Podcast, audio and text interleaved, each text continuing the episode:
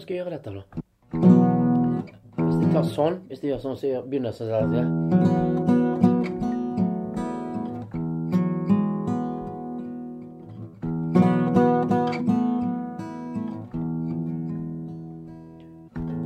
Vent litt. Hvis jeg Det må være Først må det være litt sånn rolig, og så må det bli rocket etter hvert.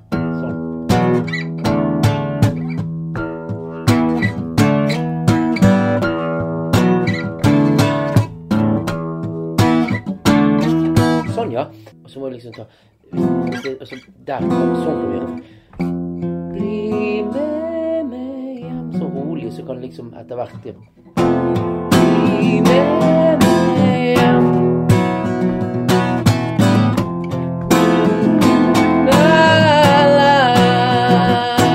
ja, ok.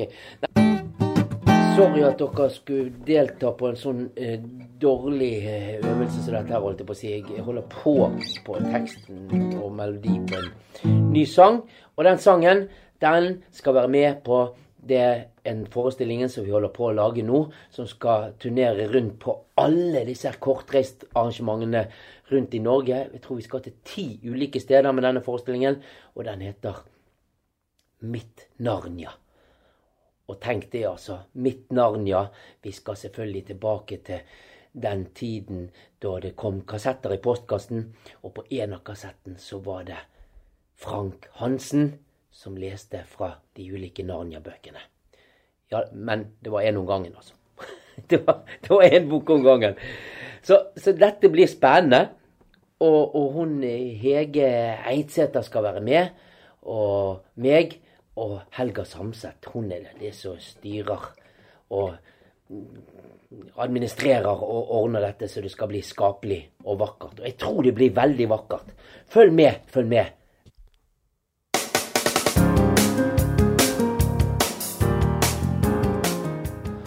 Da er det en glede her å ønske velkommen til KAB-pod nummer fire. Og dette vårpodkasten som kommer nå. For nå skinner sol i Bergen òg, og da er det å bare konstatere og erklære våren for åpen i Norge. Så her er det bare å stupe ut i det. Så deilig det å finne seg et stille vann som ligger og speiler seg i sol og bare venter på meg som skal hoppe uti. I det svalige, deilige vannet. Og så etter hvert, da, når blitt kjølt nok, så går du på land, setter deg helt i vannkanten, har kanskje en cola og greier, og filosoferer litt. Og så kommer den her forferdelige, irriterende, men dog så viktige krabaten her. Uff, jeg må få han vekk, vekk, vekk, vekk. Der er han vekke, tror jeg. Nei, der er han. Hysj. Nei, nei, vekk, vekk. Der. Der er han vekke. Man blir jo litt sløv når man ligger sånn i vannkanten og gradestokken har gått opp mot 30 grader. Men vi får jobbe litt òg, og har du lyst til å sende mail til KAB, så gjør du det på kabalfakrøllkab.no. Og så har du lyst til å ringe, så gjør du gjerne det òg. 69 81 69 81 er det nummeret. Og når det gjelder innholdet på denne KAB-podden her, så får du en premiere denne gangen av en ny serie som vi holder på å produsere, som heter eh, Velkommen til min verden. Du skal få del to i Å leve med tap, der du møter denne gangen presten Odd Eidner, som mistet to barn og troen på Gud. Magne Bjørndal, han står for tanker om tro. Og du, så er det en glede å fortelle at eh, på denne KAB-podden så blir det faktisk en eh, direkte sak fra Hilde Gromstad. Det er i forhold til synlige stemmer som vi nå skal ha en pause eh, av produksjon av det. Eh, ja, når jeg sier direkte, så er det så direkte som det kan være på en CD som kommer i posten, eller der du strømmer dine podkaster. Og så gleder vi oss veldig til generalforsamlingen og forsommerfesten, som er i begynnelsen av juni, så det at det skal vi snakke mye om, både med generalsekretær Øyvind Boje og avtroppende styreleder Kjersti Lium. Så jeg håper du slår følge hele veien.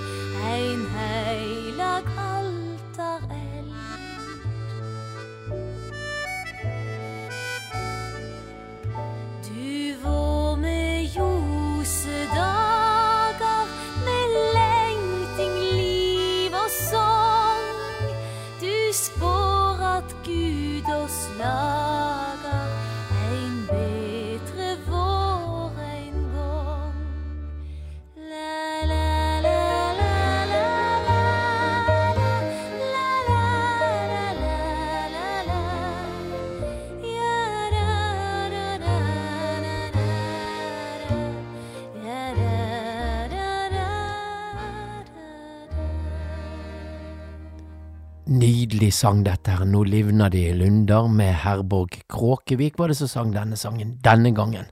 Litt fun fact der, da.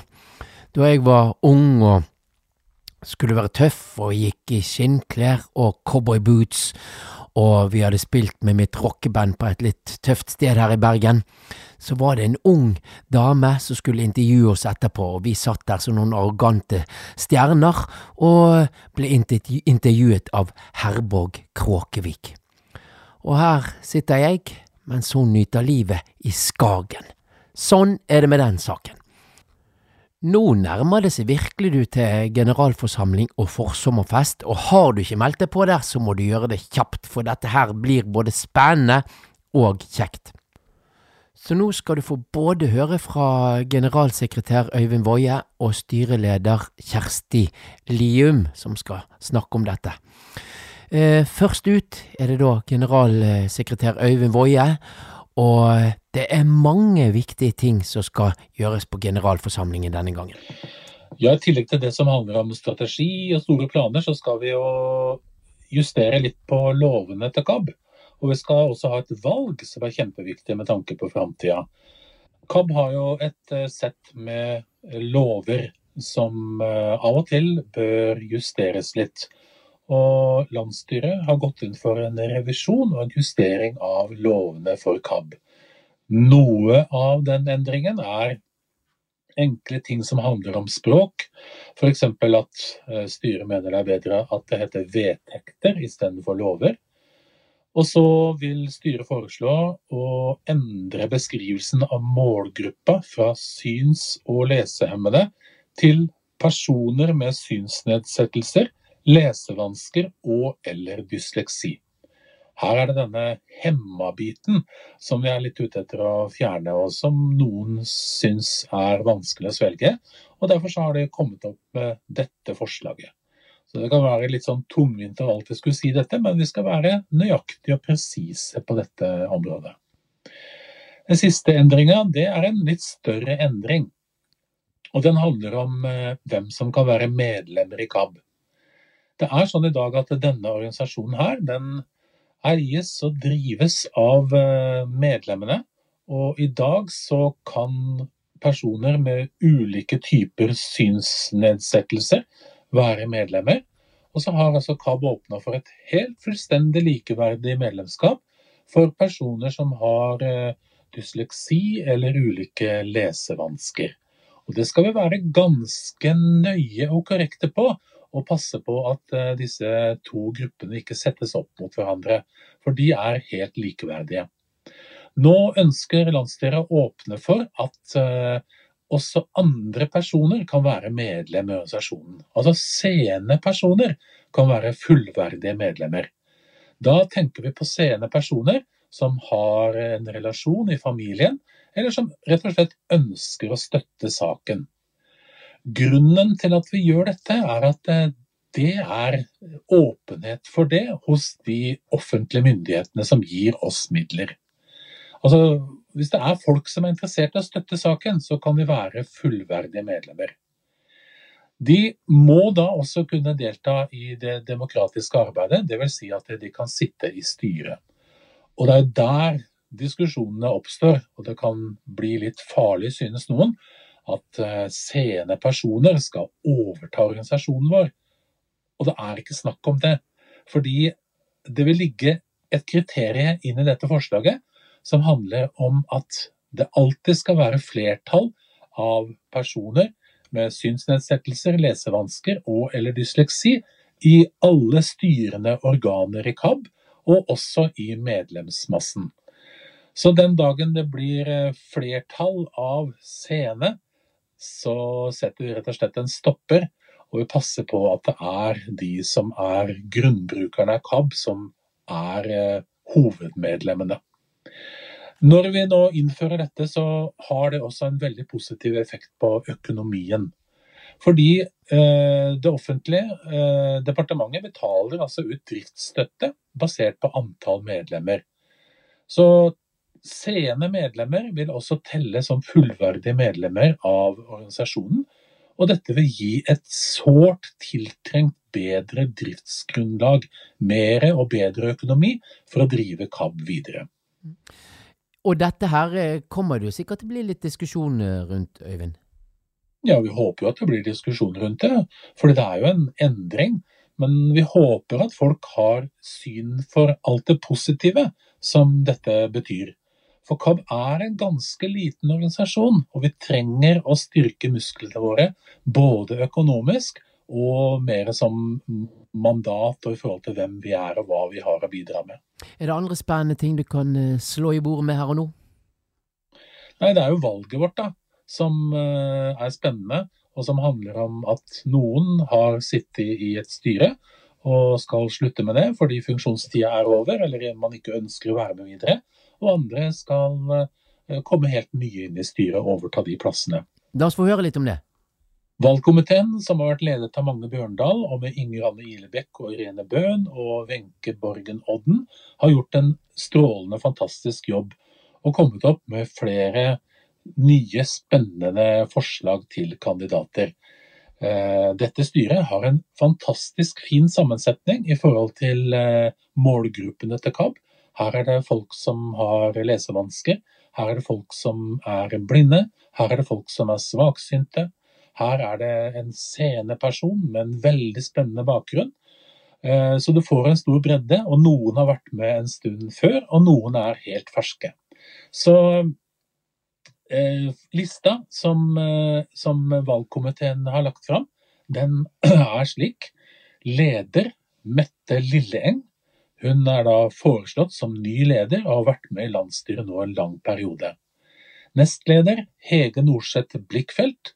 Hun er helt ny da eventuelt inn i landsstyret. Og tredje styremedlem, Heidi Andersen Madsen, hun tar da gjenvalg og har sittet i styret i den siste perioden. Og fjerde styremedlem, det er Sissel Bredvei, som går inn som eh, styremedlem. Hun har vært nestleder i landsstyret i denne perioden og vært eh, aktiv. Femte styremedlem er en kar som heter Frank Grimstad, og som er en veldig spennende fyr. Han er seende, og han har bakgrunn fra KA, kirkelig arbeidsgiver, og har jobbet veldig mye i Den norske kirke og har et enormt kontaktnett. Eh, Frank Grimstad går inn som femte styremedlem. Første varamedlemforslag er Marianne Skill Reinsnes. Hun tar gjenvalg og har sittet i styret i siste periode. Så har vi forslag på et nytt varamedlem nummer to. Det er Finn Tore Eivik, som eh, en del av dere kjenner fra disse digitale møtene bl.a. Og så er det forslag på tredje varamedlem, som er Nina Frisnes Øyan, som er et helt nytt forslag til eh, medlem.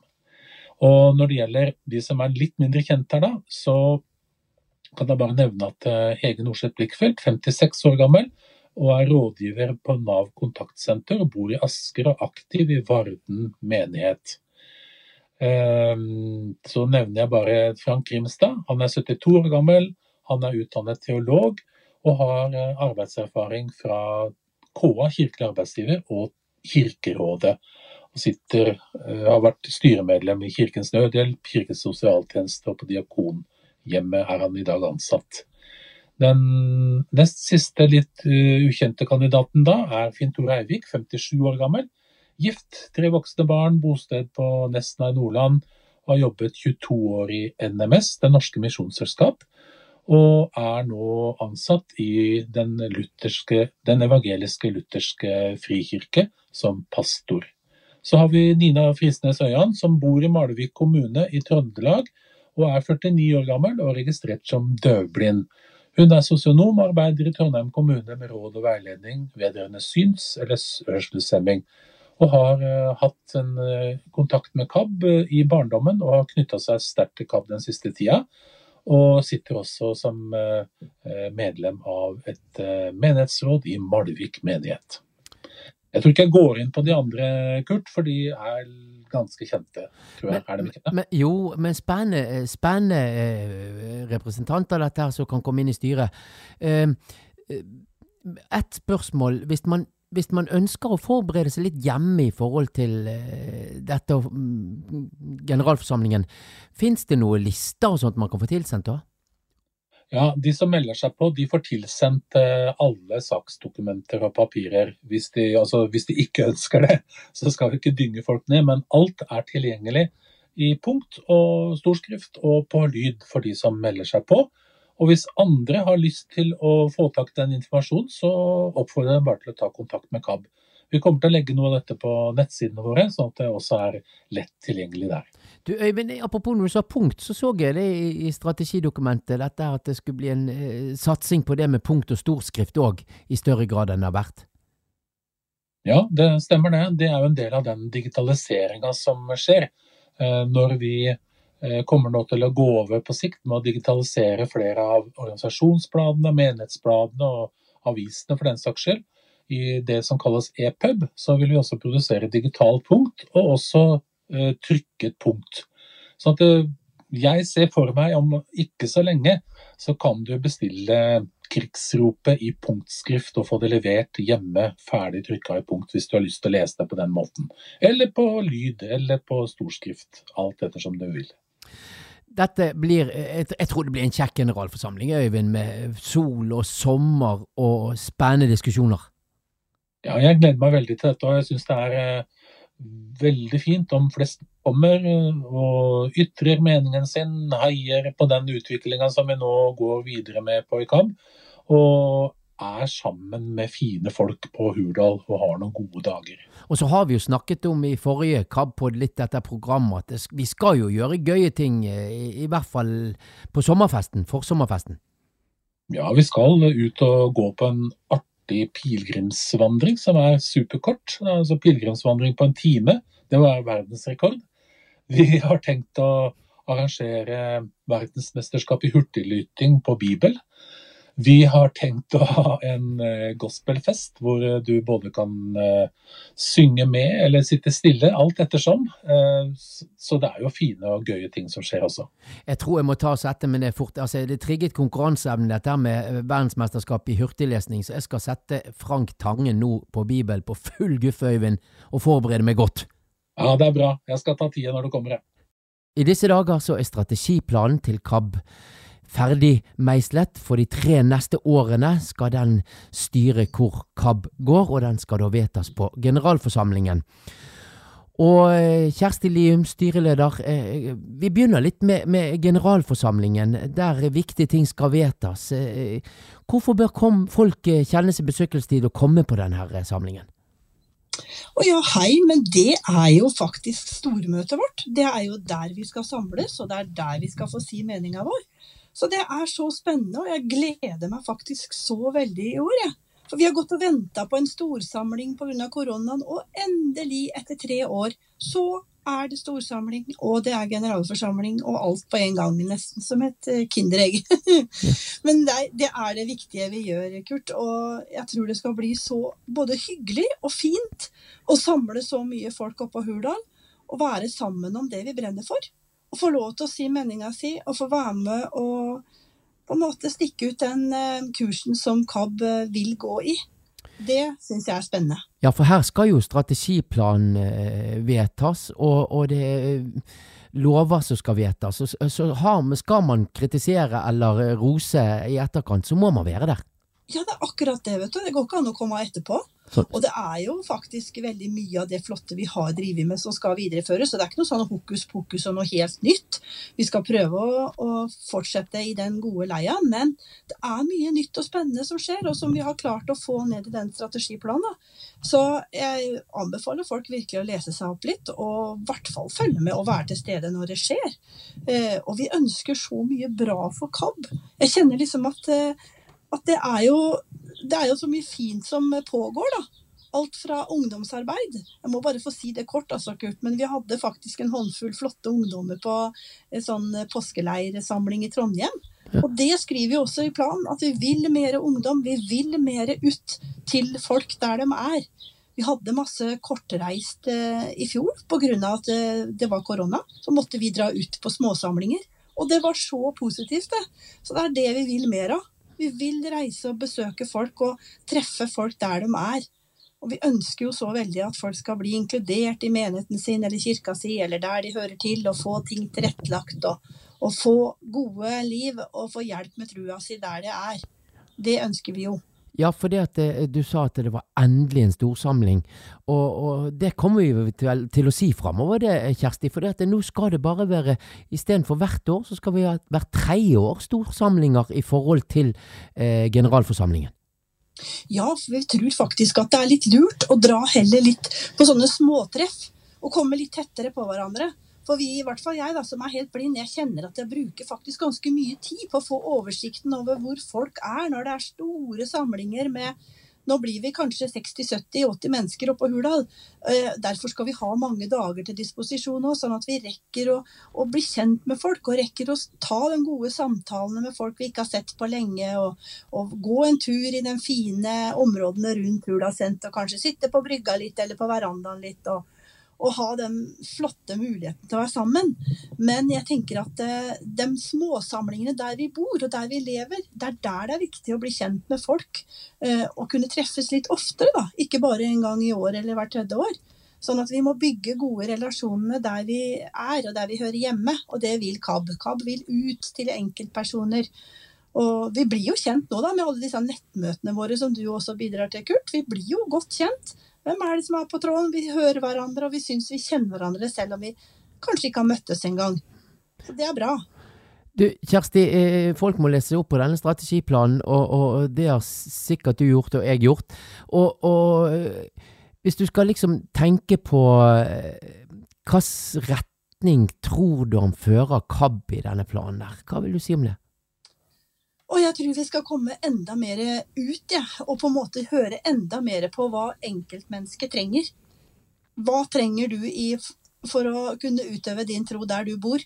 Eh, Menighetsbladene dine, kirkebladene eh, eller eh, organisasjonsbladene. Og sånn som vi driver nå med Vårt Land, kanskje du heller vil ha Dagen, kanskje du vil ha noe annet. Så tror jeg vi, vi går for at vi skal lytte til enkeltmennesket.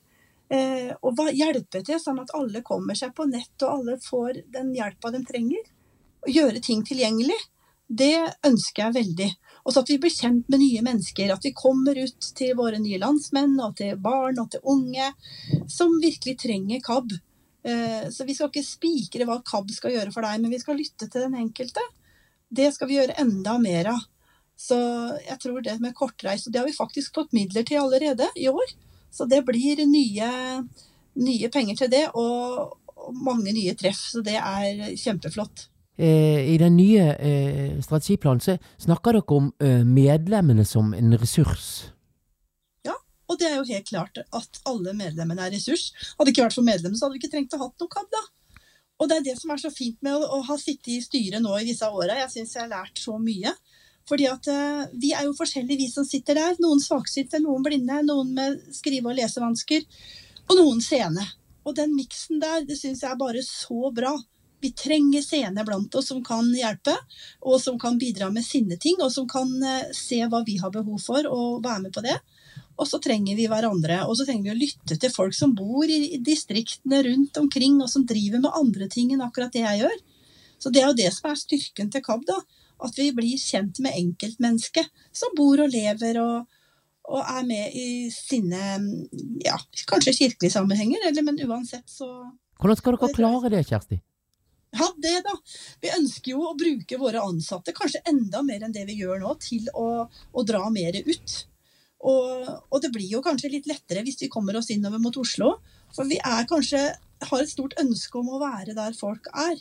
Eh, Og treffe folk hjemme. Og kunne reise ut. Og, og at våre ansatte kan følge opp mer direkte til enkeltmennesket. Så det håper vi virkelig på, og det, det ønsker vi. Har dere noen tanker om hvordan dere f.eks. skal stimulere til flere lokallag, f.eks.? Ja, faktisk så tror jeg vi gjør det litt ved å ha kortreist. For når vi var litt rundt omkring i fjor i byene våre, så skjønte vi jo at alle ønsker seg jo egentlig mer lokalt arbeid, sånn at vi kan møtes og, og utveksle erfaringer og lære av hverandre og, og drive med det. Og ved å reise rundt så skaper det kanskje et behov for å møtes eh, mer hyppig og strukturert. Og så kan vi hjelpe, så håper jeg at ansatte da og vi i styret kan være med og bidra til det fellesskapet som hver enkelt gruppe kan ha ute i distrikta. Så det tror jeg vi trenger mer av. Og så kanskje mer sånn temabaserte kurs sentralt. da. At vi kan ha, sånn som For ungdommen så vil ikke de sitte på et stevne kanskje sammen med oss eh, gamle etter hvert. da. Men så vil de kanskje heller ha sin greie. Vi har hatt podkastkurs. Det har vært kjempepopulært. Det ønsker vi å lære mer om. Eh, Vi har eh, sånn dataspillkvelder eller helger for ungdom. Eh, Noen ønsker seg kanskje friluftslivkurs for synshemma. Ja, så skal vi lytte til det enkeltmennesket ønsker, og så kanskje vi kan ha mer temabaserte ting, og så kan vi være mer ute i distrikta. Når vi ikke skal legge alle kreftene til for å få til så store arrangement, for det både koster mye og det tar masse tid. Men i år så skal vi glede oss over Hurdalssenteret og den lange, lange helga vi skal ha der. Det tror jeg blir kjempebra. Jeg hører at fuglene synger rundt deg der og, og, og greier, og du har sikkert smurt deg inn med sånn kokosolje sånn at du skal bli ekstra brun, så, så nå tror vi må gi oss snart. Ja, vi gir oss nå. Jeg sitter på solsenga, helt riktig. Den kokosolje er ikke der, da. Det var avtroppende styreleder Kjersti Lium det, og rett før hun så hørte du generalsekretær Øyvind Woie, og begge snakket jo om òg denne viktige generalforsamlingen som du må bare være med på, for dette blir moro, og dette blir spennende, og dette blir viktig. Nå, nå blir det en premiere her i KABpod. Vi har nemlig satt i gang en ny podkastserie som vi har kalt for Velkommen til min verden. Der du møter eh, mennesker eh, som forteller om sin bakgrunn, og om hvordan de lever livet sitt i dag med litt syn eller uten syn. Den første du får møte, det er Solveig Kjærstad, som bor i Trysil. Og reporter Anne Sande hun tok turen dit i mars, og vi får blant annet høre om Solveig sin barndom og oppvekst. Melding. Tekstfelt. Redigerer. Velkommen til verden. Innsettingspunkt beslutning. Mente men det var vel ikke så lett for meg å bli integrert da. For det var mange unger da, som sa at jeg ikke var noe å leke med fordi jeg var blind. ikke sant? Og det var... Og for en unge så var det en vond følelse. Skjønte liksom ikke hvorfor det. Og da Selv om jeg skjønner en del i dag, det, men det var nok mye usikkerhet da.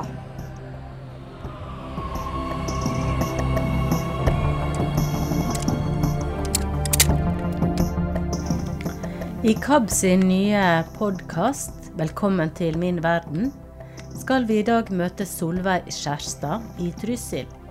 Hun er 61 år og har vært svært engasjert i lokalsamfunnet i mange år. Hver uke året rundt synger hun på ulike institusjoner i kommunen, og hun er aktiv medlem i flere råd og organisasjoner. Solveig er født blind og har følge av Anong P. Tøråsen, som er brukerstyrt personlig assistent, når hun skal ut på veien. Torsdagene synger og spiller Solveig på tre institusjoner i Trysil kommune. kan være glatt, altså, så gå forsiktig med mikrofoner og lydutstyr og alt det, så det ikke knuses. Solveig har rett. Det er glatt denne marsdagen i Trysil. Vi er midt mellom vinter og vår, og det ligger fortsatt et tjukt lag med is på veiene. Men det er ikke så langt mellom leiligheten og menighetsbarnehagen, som er første stopp. I vinduet står det to små og kikker ut, og i gangen møter vi flere som vil si hei. Solveig og Anong er venta.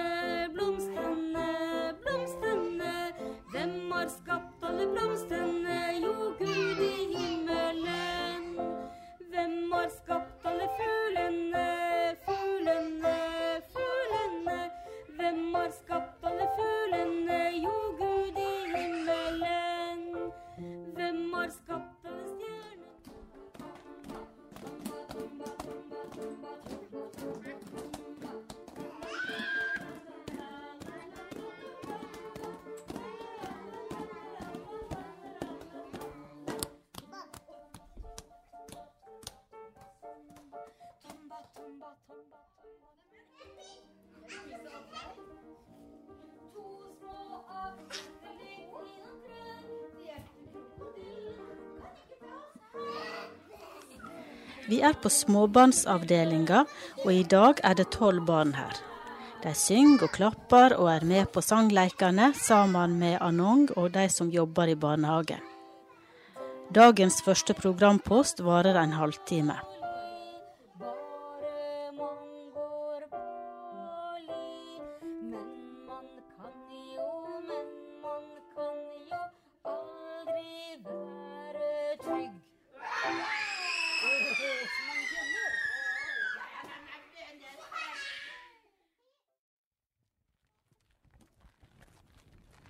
Ja, da var vi ferdig med barnehagen, Ja, Solveig. Hva er neste post på programmet? Nå er neste post eh, skjermet enhet på sykehjemmet.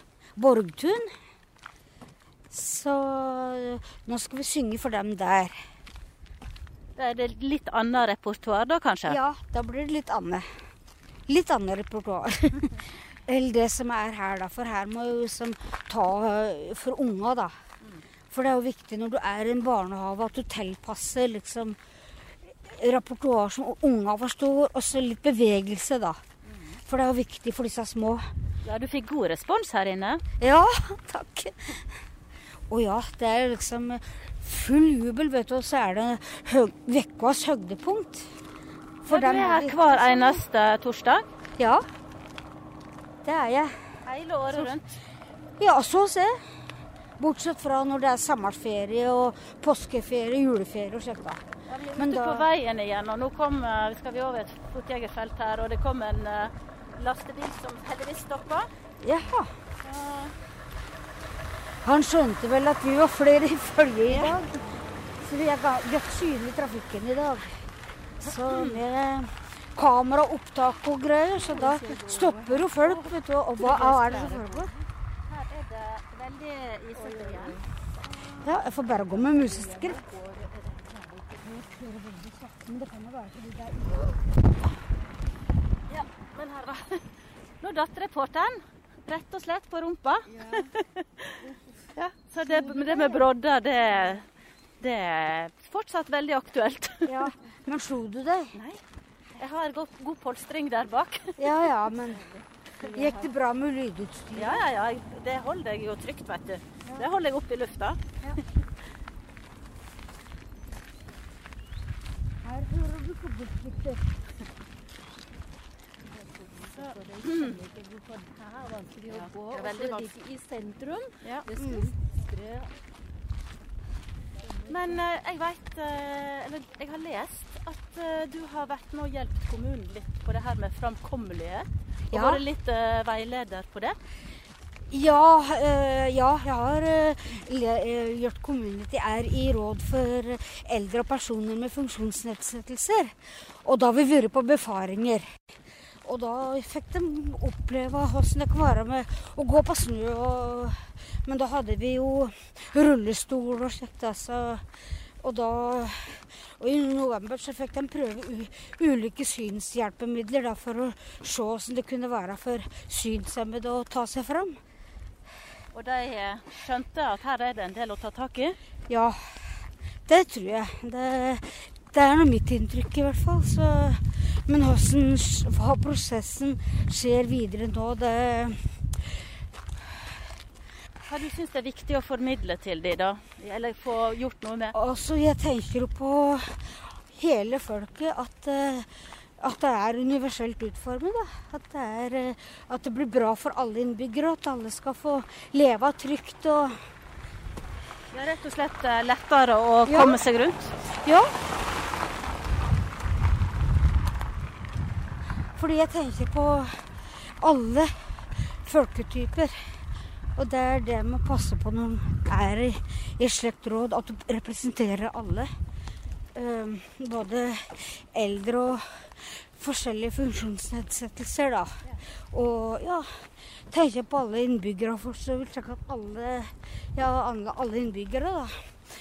Slik at folk kan ferdes trygt, og at det blir lettere å leve av. For å si det kort og enkelt.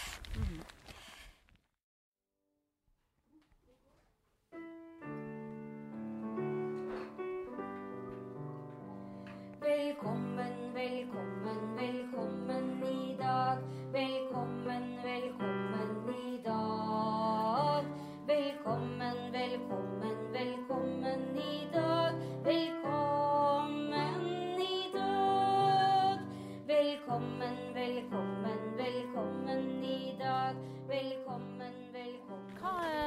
sang og musikk betyr for deg, Solveig? Ja, det er litt vanskelig å forklare, men det betyr jo nærmest alt, da. Det blir jo noe å finne trøst i og håp i når ting er vanskelig, og sjøl om vi synger best det er opplagt, da. Da, da er det jo lettest å synge. Men det er på en måte Jeg har jo hatt den interessen siden jeg var lita småjente. Så det er jo det, betyr jo alt, selv om det er mye annet som betyr noe òg, så er det liksom sangen og musikken som er på en måte min greie, da. Som holdt på jobbmessig og aktivitetsmessig, da. Så det Det er det jeg trives best med å drive med. framfor stasen i stålsen. Sann og dødelig åtten deg for sola og deg og meg. Han fyller jokkes i kalvebingen, han danser runddans med stor kommers. Nå greier han trakta innerst svingen og setter halen sin rett til værs. Hei sann og dødelig åtten deg for sola og deg og meg. Jeg syns det gir meg veldig mye, for å være til glede er jo det viktigste for meg når det gjelder sangen, uansett hvor jeg er hen. Så, og blant annet her, da, så er det jo kanskje mange som er ensomme, og, og så er det litt grei- ålreit at det skjer litt annet for dem òg, da. Så det er øh, så det er jo liksom Det gir meg veldig mye å få lov å komme her òg. Og så vil jo gjerne være til glede. Hei sann og dødelig deg for sola og deg og meg. Hei sann og dødelig deg for sola og deg og meg. Sann.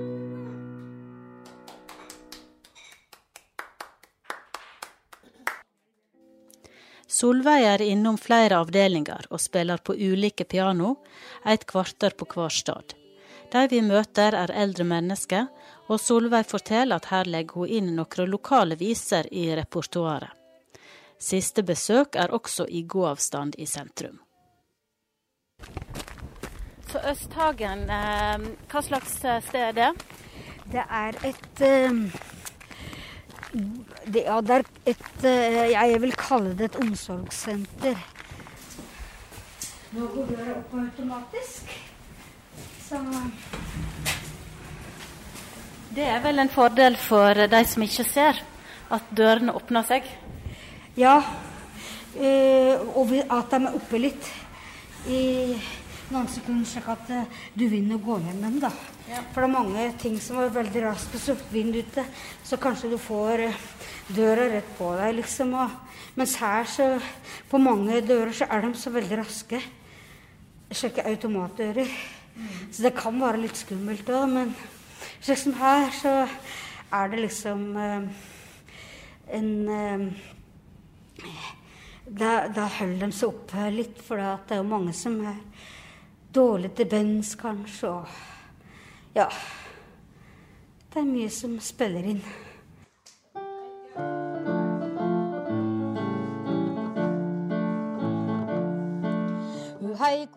Ja, mandagen så er jeg i tredje og fjerde etasje på sykehjemmet. Og så går det på svømming etterpå. I et annet bygg da, som heter Sønstagen. Der er det basseng. da, Oppvarme basseng, da. Og så på tirsdag så har jeg stort sett fri studiedag, møter ettersom. Og en gang i måneden, i hvert fall nå, da, så har vi hatt ja, medlemsmøter i lokallaget i Blindeforbundet, som jeg er leder i nå fram til årsmøtet. Og så på onsdag så er jeg annenhver onsdag på babysang. Fra 11 til halv tolv cirka. Og det er på Misjonshuset bortpå her. Det går vi kanskje forbi der vi skal på kafeen etterpå, jeg er ikke sikker, men eh, det er i hvert fall ikke langt unna der kafeen er. Og så på fred... Og så ja, torsdag da, så er jeg på barnehagen og, og Borgtun og her, da. Og i går så var jeg og sang med konfirmanta. da. Jeg ble spurt om det av og til Da, Så jeg var sang, sang med konfirmanta i kjæreste Hva er drivkrafta? Åh, ja Hva skal jeg svare på det, egentlig? Det er uh, litt vanskelig å forklare Men Kanskje det er uh, Jeg føler det på en måte som et kall, da. Så er vel kanskje Gud. Den hellige ånd, tenker jeg. Men det er liksom litt vanskelig å forklare, for det er jo mye følelser i dette her. Og, men jeg føler det som kallet mitt, da. Hvor lenge har du vært så aktiv med sang og musikk i lokalsamfunnet her? Åh, det er mange år. Jeg har snart ikke telling. Jeg begynte på aldershjemmet, som det het uh, før i hverdag. Som vi er på nå. Huset her, Det har vært aldershjem her før i tida. Og da begynte jeg i to, år 2000. Og så begynte jeg på sykehjemmet i, litt i 2001, så jeg har da vært her i ja, nærmere mellom 20 og 22 år. Men når du hører dem klapper og sjekker jubler, så hører du at, at de er glad for det. Så det fordi jeg sier ikke ansiktsmimikk og, og, og nikkinger og slikt. Og, og blikkontakt, det er veldig vanskelig. Og da er det liksom greit at uh, folk gir litt lyd, enten med litt jubel eller klapping. Da vet en at, at den, når de ser det, at da er, det, er, de glad for at du kommer. Og da er det liksom er det, er det frivillig arbeid, eller får du betalt for dette? Begge deler vil jeg si. Jeg får litt betalt, da. Så jeg tjener ikke millioner, men det er ikke det som er det viktigste. Det er jo, så jeg vil si det er en kombinasjon til begge deler. Du fikk en pris for ei tid tilbake? Ja, det gjorde jeg. En bragdpris. Trysilsmellens bragdpris, og så fikk jeg frivillig, frivillighetsprisen. Er det den du tenker på? Ja. Ja, den frivillighetsprisen den fikk jeg i 2017. For eh, engasjementet mitt da, i kommunen og rundt omkring for babysang og, og slikt, da. Og så fikk jeg en bragdpris for eh, Ja, det blir 25 år til neste år. Så jeg fikk den Det var Trysilfjells utmarkslag som delte ut den da det var under Trysilsmellen. Og de, det er noe de har hørt år her i Trysil, altså markerer at nå er, det, er vintersesongen slutt. da. Så da fikk jeg bragdprisen da den 25. april i 1998. Hva det har betydd for deg å få sånne utmerkelser, da? Det har vært veldig stort, da. Og oppmuntrende, selvsagt. Da, da, da vet en på en måte at en blir satt pris på det en gjør, da. Men det er veldig stort. altså Det er veldig vanskelig å beskrive med ord. Eh, så det er veldig stort, da. Det er det. Solveig er ferdig med torsdagsprogrammet. Hun inviterer oss med på kafé i sentrum, og medan vi går dit, forteller hun litt om barndommen og om hvorfor hun likte bedre vinteren før, da hun var barn. Jeg er oppvokst på gard, og da og da måtte du drive med skjørtene på sommeren. Og du vet, som unge å være alene og kanskje ikke være i stand til å finne på så mye sjøl, så kunne det bli litt kjedelig iblant. Og så ja. Da syns jeg sommerferien ble litt lang. Så du, du likte best å gå på skole? Ja, jeg gjorde det. Sjøl om det var godt å være hjemme på ferie og, og sjekke om, men det var liksom litt roligere på vinterstid, da. Vi er på vei hjem igjen til Solveigs leilighet i sentrum. Hun har sterk tilknytning til Trysil, og sier at hun kunne ikke tenke seg å bo noen annen sted. Solveig forteller at hun hadde en drøm om å virke i heimbygda. Hun er født i Trysil, men gikk ikke på skole her. Mye av barndom og oppvekst ble andre steder i landet. For da Solveig var fem år gammel, ble hun sendt til førskole og internat i Oslo. Jo, da kom jeg, som jeg sa, eh, jeg kom på en førskole for blinde og svaksynte da. eh, Men offentlig skole for blinde, forskole for blinde, som det het den gangen. da. Dette her var på, i 1966. Da var jeg som sagt fem år. Og fordi at det hette seg at jeg skulle trene på å være i lag med, med andre unger, da. Og det var jo ikke så vanlig å være integrert da jeg var lita, som det er i dag. Og den overgangen fra hjemme og dit, da, den var veldig stor. Det var mye større og ja, fremmede folk, og så måtte vi alle være like. Hva vil det si at dere måtte være like? Ja, altså at vi måtte like det samme. Vi kunne liksom ikke være den vi var, følte jeg i hvert fall. Og, og så fikk vi til å bruke dialekta vår. Og grunnen til at jeg ser dette her, det er for det var en episode som mor mi opplevde, og da hadde hun kommet på besøk.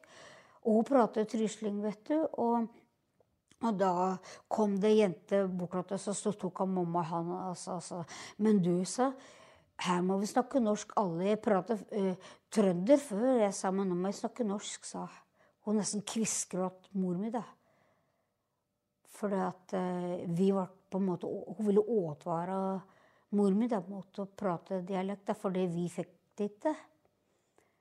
Så det var en tøff prosess. Det prega deg mye? Ja. Det preger de første åra, som jeg minnes i hvert fall, som at jeg ikke fikk prate dialekta mi. Og det førte til at jeg begynte å prate oslomål, da. Uansett hvor jeg var hen. Og... Så det var jo liksom det første tida, så begynte jeg jo i barnehage der og da.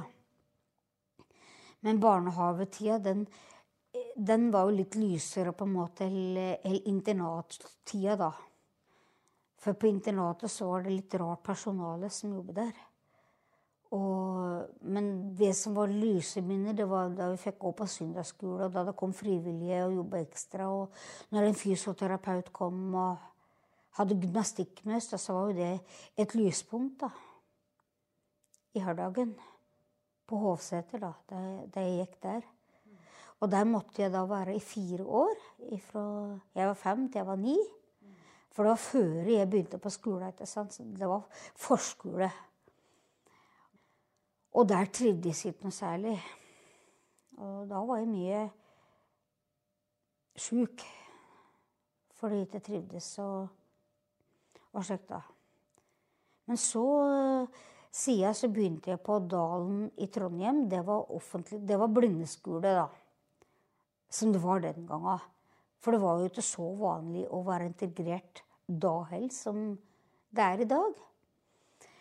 Men uh, da jeg kom på Dalen, da, da jeg begynte å prate fint mål, da, så, så spurte de meg men hvorfor prater du til morsmålet ditt? Og, for det må du da bare gjøre, sa de mot meg. Og da jeg begynte med det, så da var det liksom greit. Og jeg begynte å trives på Dalen. Og jeg hadde hemlengsel i to dager da jeg kom dit, og så gikk det over. For da fikk jeg jo mange, mange nye venner og, og nytt miljø, og der var det ikke fullt så stivt. Og formelt så, så personalet var jo enormt flinke på, på Dalen, følte jeg i hvert fall. At uh, de ivaretok det og, og hjertet meg over den kneika, liksom. Så det, de var, det var de veldig gode på. På Dalen så var jeg fem år. Og så flyttet Dalen da til Tambartun i Melhus. Dalen ligger i Trondheim da. Nå så er det barnevernsakademi som heter Dronning Mauds minne. Heter det i dag. Men, eh, men, da så var det Dalen offentlig skole for blinde. het det da den gangen. Og, men vi sa bare blindeskole, ikke sant. Og ja. Så der var jeg da til vi flyttet på Melhus, da, på skolen som heter Tambartun. For hele skolen flyttet.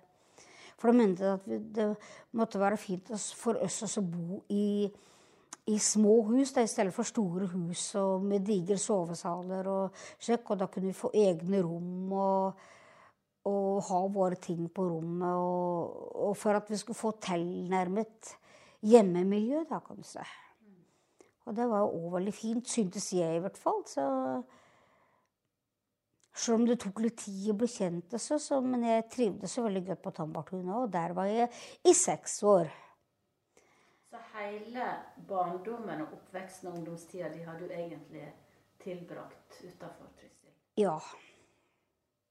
Så det var store deler av barndommen min, sjøl om jeg var hjemme på, på ferie. og og jeg ble jo kjent med folk da òg, men uh, Hva var begrunnelsen for at du fikk et sånn skole- og uh, førskoleløp? Uh, Foreldrene mine bodde jo på gård, og de hadde jo ikke så mye ressurser til å ta seg av meg, sjøl om de kanskje ville. Men, men de, de, hadde jo gård, og så var vi jo flere i ressursen som måtte tas vare på. Og, og dyr og, og gård, Så de hadde jo ikke så mye ressurser. Da, så de, da ble det så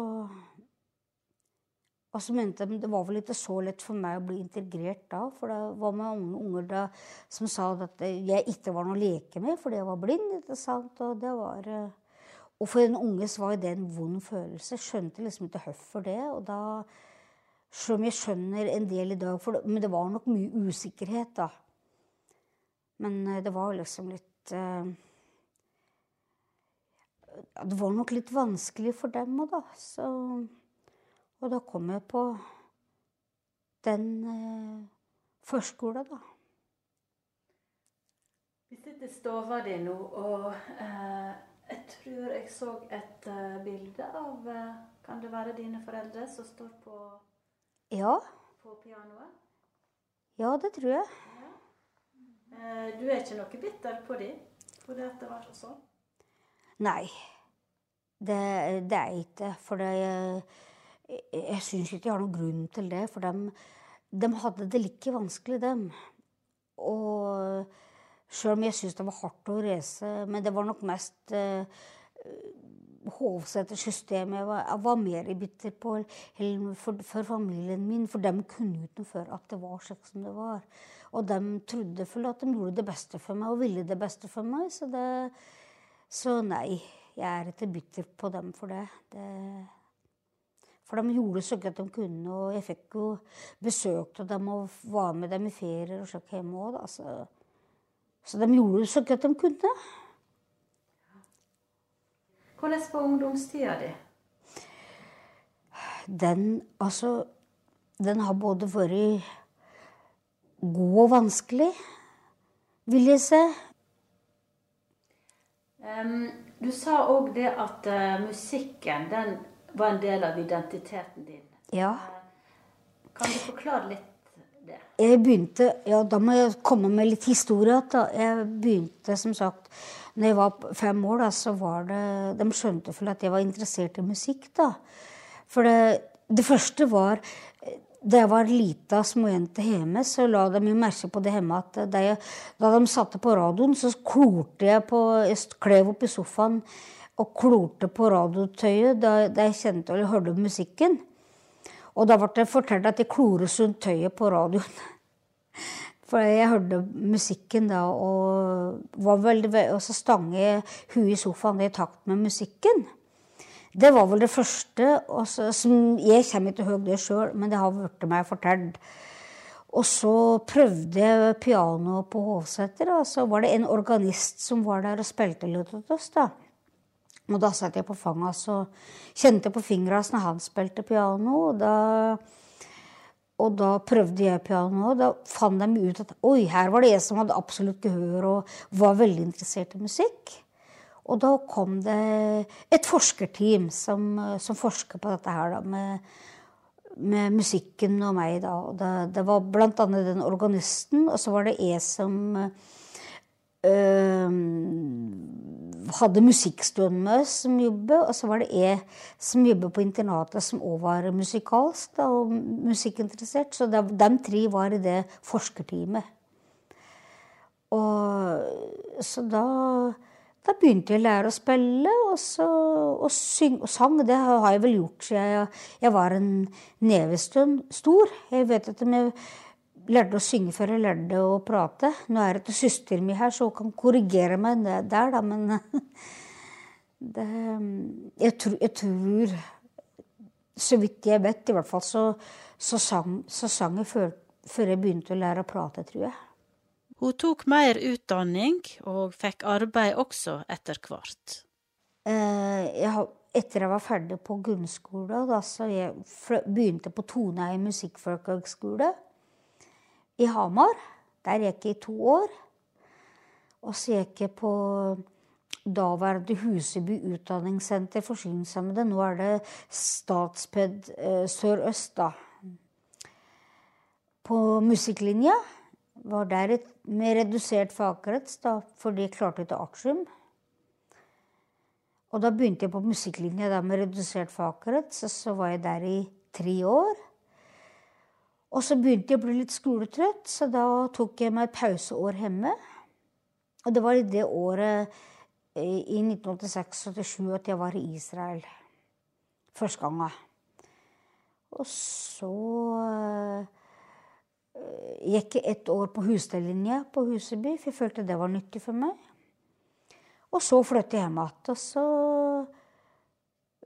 begynte jeg på et dagsenter da, å synge litt der. og fra 1988 til 1995. Og så prøvde jeg meg litt på aldershjem og sykehjem og sang litt da.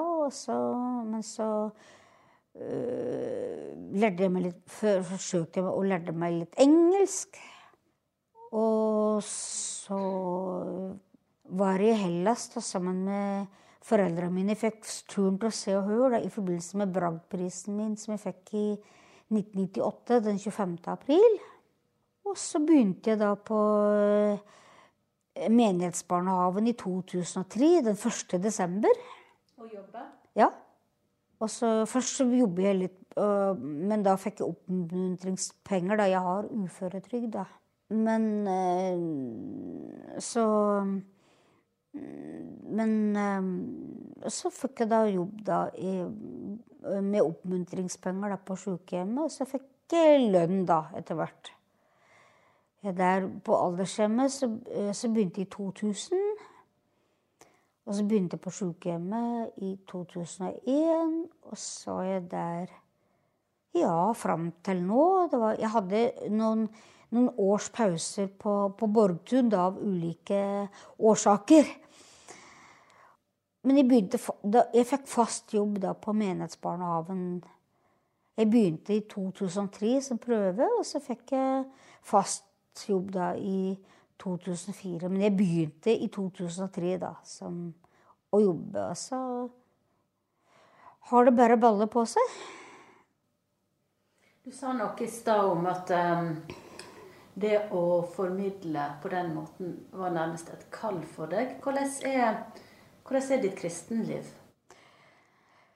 Altså, Jeg vet ikke hvordan jeg skulle klart meg ut av gudstrua. Jeg tror det har vært et styrke for meg på en måte da, da vanskeligheter har dukket opp. Og så jeg begynte å lære å be, så, så, så begynte jeg å be over ting jeg var redd for, da. Ja, det var en gang bestemor min lurte på, for jeg satt så lenge på toalettet på hjemme, og da hørte jeg en motorsykkel utafor vinduet hjemme, da, så, og da skvatt jeg ved. Så da var jeg redd og, og satt og ba til Gud. Og så spurte bestemor mi hardt det ble meg, for hun syntes jeg var så lenge på toalettet. Og så sa jeg men jeg, satt, jeg sitter og ber til Gud for motorsykkelen og for det jeg er redd for. Så hun skjønte dette her da at oi. Så det var vel da også da var på Hovseter, så var jeg borte på besøk på et privat hjem, og der var det ei dame som var kristen, som fortalte meg litt om Jesus. Og, og da sa hun det at ja, men Jesus er her i rommet nå, så vi kan be til han i lag. Og om det du er redd for, og, og det som ligger deg på hjertet, rett og slett. Så vi ba til Jesus-lag, og jeg, lurer på om det var hun som lærte meg Fader vår. Tror jeg. Det,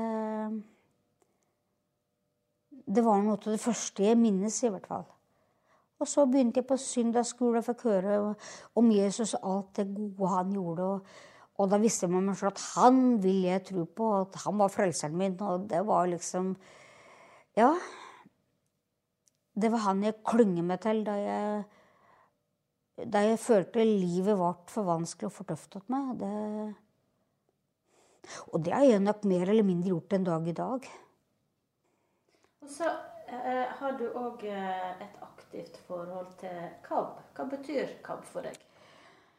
Ja, KAB det er jo med på å pleie trua mi. Og det betyr veldig mye for meg, det òg, KAB. For det er jo en kjensgjerning at det er litt godt å få være litt i lag med likesinnede iblant. Og da føler jeg litt nostalgi og, og litt inspirasjon. Og, og så er det en måte å pleie trua på. Og KAB det ble jeg kjent med i 1974. Da var det noe som heter Barnas lydavis. Og så var jeg med og sang inn på den, blant annet. Så var med, det var mitt første møte med KAB. Da var jeg 13 år. Da kom de på besøk da på Dalen. Det var to stykker som kom. Han Frank og Terje som kom og laga lydavis. Og da så det var da det første møtet jeg hadde med KAB. Og så har det mer eller mindre baller på seg. så... Solveig forteller om ei rekke treff og samlinger som hun har deltatt på i inn- og utland fra 80-tallet og fram til i dag. Hun er også en aktiv låner av lydbøker og annet fra KAB sitt lydbibliotek. Ja, der eh, har jeg lest mange fine bøker. Det og litt forskjellig så har jeg jo blader, da, blant annet Menighetsbladet, og så har jeg Stefanusalliansen, og først som Israelbladet heter nå, da. Og så har jeg og så har jeg lånt forskjellige bøker, alt fra spenningsbøker til andaktsbøker og misjonsskildringer og slikt. Så det er mye spenningslesning. Litt tilbake til KAB. Hva kan vi gjøre bedre? Eh, det gjør veldig mye bra, men det kan jo være Jeg er ikke så veldig god på det digitale. Eh, det kunne kanskje ha vært fint at en kunne ha gjort altså, Det digitale kan jo være et supplement, men det er òg litt fysiske arrangementer, kanskje, og at den kunne mm, være ja, litt, Det blir kanskje litt lettere å få til nå, da. Det, at den kunne være litt mer i lag fysisk òg. Og, at den har eh, lager podkaster både på CD og digitalt, slik at den, folk kunne velge materiellet de vil bruke. For det er jo ikke alle som er like digitale. Heber ber- deriblant er ikke like digital. Og jeg er ikke akkurat en da- datafrik heller, sjøl om jeg har data. Så, så, så syns jeg at det, det digitale kan være et supplement til det andre. Så jeg håper at ikke det blir slutt på CD og sjekk, Og at den kan ha det at, en kan ha alle mulige deler. Altså både at vi kan møtes fysisk, og at en kan ha ja, podkaster på CD fortsatt. Og, og digitalt for den som vil det, da. Så jeg mener det, det, må, det må være en mulighet for alle. Ja, kortreist kunne de kanskje hatt litt av og til, da, for det, det er jo langt å reise over hele landet, så kunne gjerne hatt en samling her i Trysil òg, da. Så, så egentlig, egentlig oppsummert, du ønsker mer sosiale, fysiske møteplasser? Ja. Treffpunkt. Ja. Det gjør jeg faktisk, for at det Sjøl om både podkaster og alt det, og telefonen er vel og bra, det er jo, men, men det fysiske òg er jo litt eh, Det er jo viktig, det òg, for at folk kan få ja, møtes og, og drøfte litt erfaringer og i hverdagen og få litt tid til å prate sammen. og at det, bærer, Det er jo fint med litt program òg, men at, at, det, at folk kan få tida til å prate sammen og, og treffe kjentfolk og bli kjent med nye. At en kan få prate litt sammen i grupper og prate litt på ulike erfaringer en har. Det er jo på en måte truspleie, det òg. Solveig forteller om engasjement og aktivitet, men også at hun av og til er reservert og unngår enkelte situasjoner som skaper stress eller ubehag når du ikke ser. Mykje folk og støy kan være utfordring. Nei, søy Altså, hvis det blir for mye søy, da blir det litt sånn eh, Da kan det bli for mye, og da kan jeg bli stressa. Og så blir det vanskelig å konsentrere seg, spesielt hvis du skal gjøre ting. Og når jeg går i butikken, for eksempel, og hvis det er mye kø rundt meg, da kan jeg òg bli stressa. Da, da blir det vanskelig å puste i kø, syns jeg. Det, så det er noe av det verste jeg vet. Å stå i kø. Her på Trysil kan du av og til bli mye folk, da. Ja, det kan det jo av og til bli. Og da Når jeg vet, når jeg vet det, så prøver å handle når det ikke er så mye folk. Og, og da, når det er mye turister og sånt, noe, så her så prøver jeg å være litt hjemme og og så jeg unngår liksom den verste trafikken. For jeg vet med meg sjøl at jeg blir stressa og veldig kje og sliten. Er det det som er det vanskeligste i forbindelse med din funksjonshemming? Ja, det er i grunn av det. Og så må du konsentrere deg veldig mye, og hvis det blir for mye konsentrasjon, så, så kan jeg få vondt i huet, rett og slett. Så det kan være en utfordring. Og hvis du ikke oppfatter og, Altså, én ting er å bruke lyder til å orientere deg etter. Men når det blir for mye søy og blul, og, så, og, og liksom så sirkelsager, det var jeg veldig redd da jeg var lita. Så, og, så, og det sitter nok litt i meg enda. Så når jeg hører slike kantklippere, selv om jeg vet de ikke vil ta meg nå så, Men jeg, det trodde jo jeg da var lite, for da, jeg var redd for motordur og liksom skarpe lyder. da. Og synes at kantklippere er, Det er ikke noe jeg står og nyter. da, Som. Hvis jeg hører sånn som kantklippere, vet du. Åh, det syns jeg er ekkelt å høre på. Det, da går jeg helst fort opp forbi. Da går bena mine slik. så da er det liksom, da, da har jeg lett for heise skuldrene sjekk og spenne meg litt.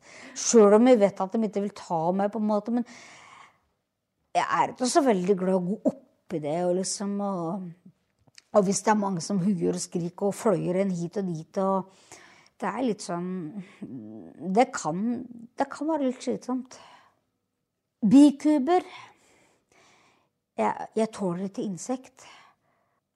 Det var en gang jeg fikk et hummelsbitt på, på armen. Og da begynte jeg å hovne opp mer og mer og mer i fingra, så da måtte jeg på akutt legevakt da, for å få orden på det. Og det viste seg jo da at jeg ikke tåler humler. Og jeg, og, og, så jeg hadde jo en diagnose med allergi, da, insektallergi. Og så bier og insekter, det, det prøver jeg å unngå. Og, og tornebusker. Fordi at eh, en gang jeg var lita Nå blir det litt mye att og fram her, altså, men da jeg var lita, så datt jeg opp i tornebusk der vi skulle plukke liljekonvaller. Det var òg da jeg var på Håseter, da. Og mm, da datt jeg bort i tornebusk, og siden da så har jeg på en måte vært litt reservert for eh, planter som stikk. Og da er jeg litt sånn eh, Det prøver å unngå så, så sant jeg kan. Når jeg spør Solveig om hva som er det beste ved tilværet hennes, er det gleda ved å møte mange mennesker hun legger vekt på. I Trysil er hun i kontakt med sambygdinger i alle aldrer og ulike situasjoner, mellom annet konfirmantsamlinger. Der vi annet sang i salme som jeg syns er veldig fin, som eh, jeg har lyst til å ta for deg nå. Salmeboka mi da, den består av 14 permer, da. Uh, som, og da når jeg får salmer til organista, da, så, så er jeg avhengig av å få salmer i rekkefølge, så at vi kan plukke ut. For jeg kan ikke ta med alle perma til kirka. For ble, da er jeg redd jeg må bygge på kirka, og, og da må jeg nok hatt et trailerlass, tror jeg, for da blir det litt vanskelig. Så da plukker vi ut salmer, for det er så skjørt materiale, da. Da synger jeg som eh, i avslutning på intervjuet en salme som jeg syns er så fin, som heter, den, eh, som heter eh, 'På veiene ute i verden'. Og den står på salme nummer 732 i Norsk salmebok i 1.13. Da må jeg lete etter for å finne tekstforfatter. Tekst eh, Britt G. Hallquist, 1960. Og så er det oversettelse Eivind Skeie i 1986. Og så er det Egil Hovland som har komponert melodien. På veiene ute i verden går de som har mistet sitt hjem. De sultne, de trette og frosne. Vår Fader, vær nådig mot dem. Fra arbeid, fra hjemland og venner har mange blitt jaget av sted. O Gud, la dem finne tilbake til trygghet og tillit og fred. Hvor skulle de møte din godhet, om ikke hos oss som har fått vårt daglige brød og vår frihet. Et liv i et land som er godt.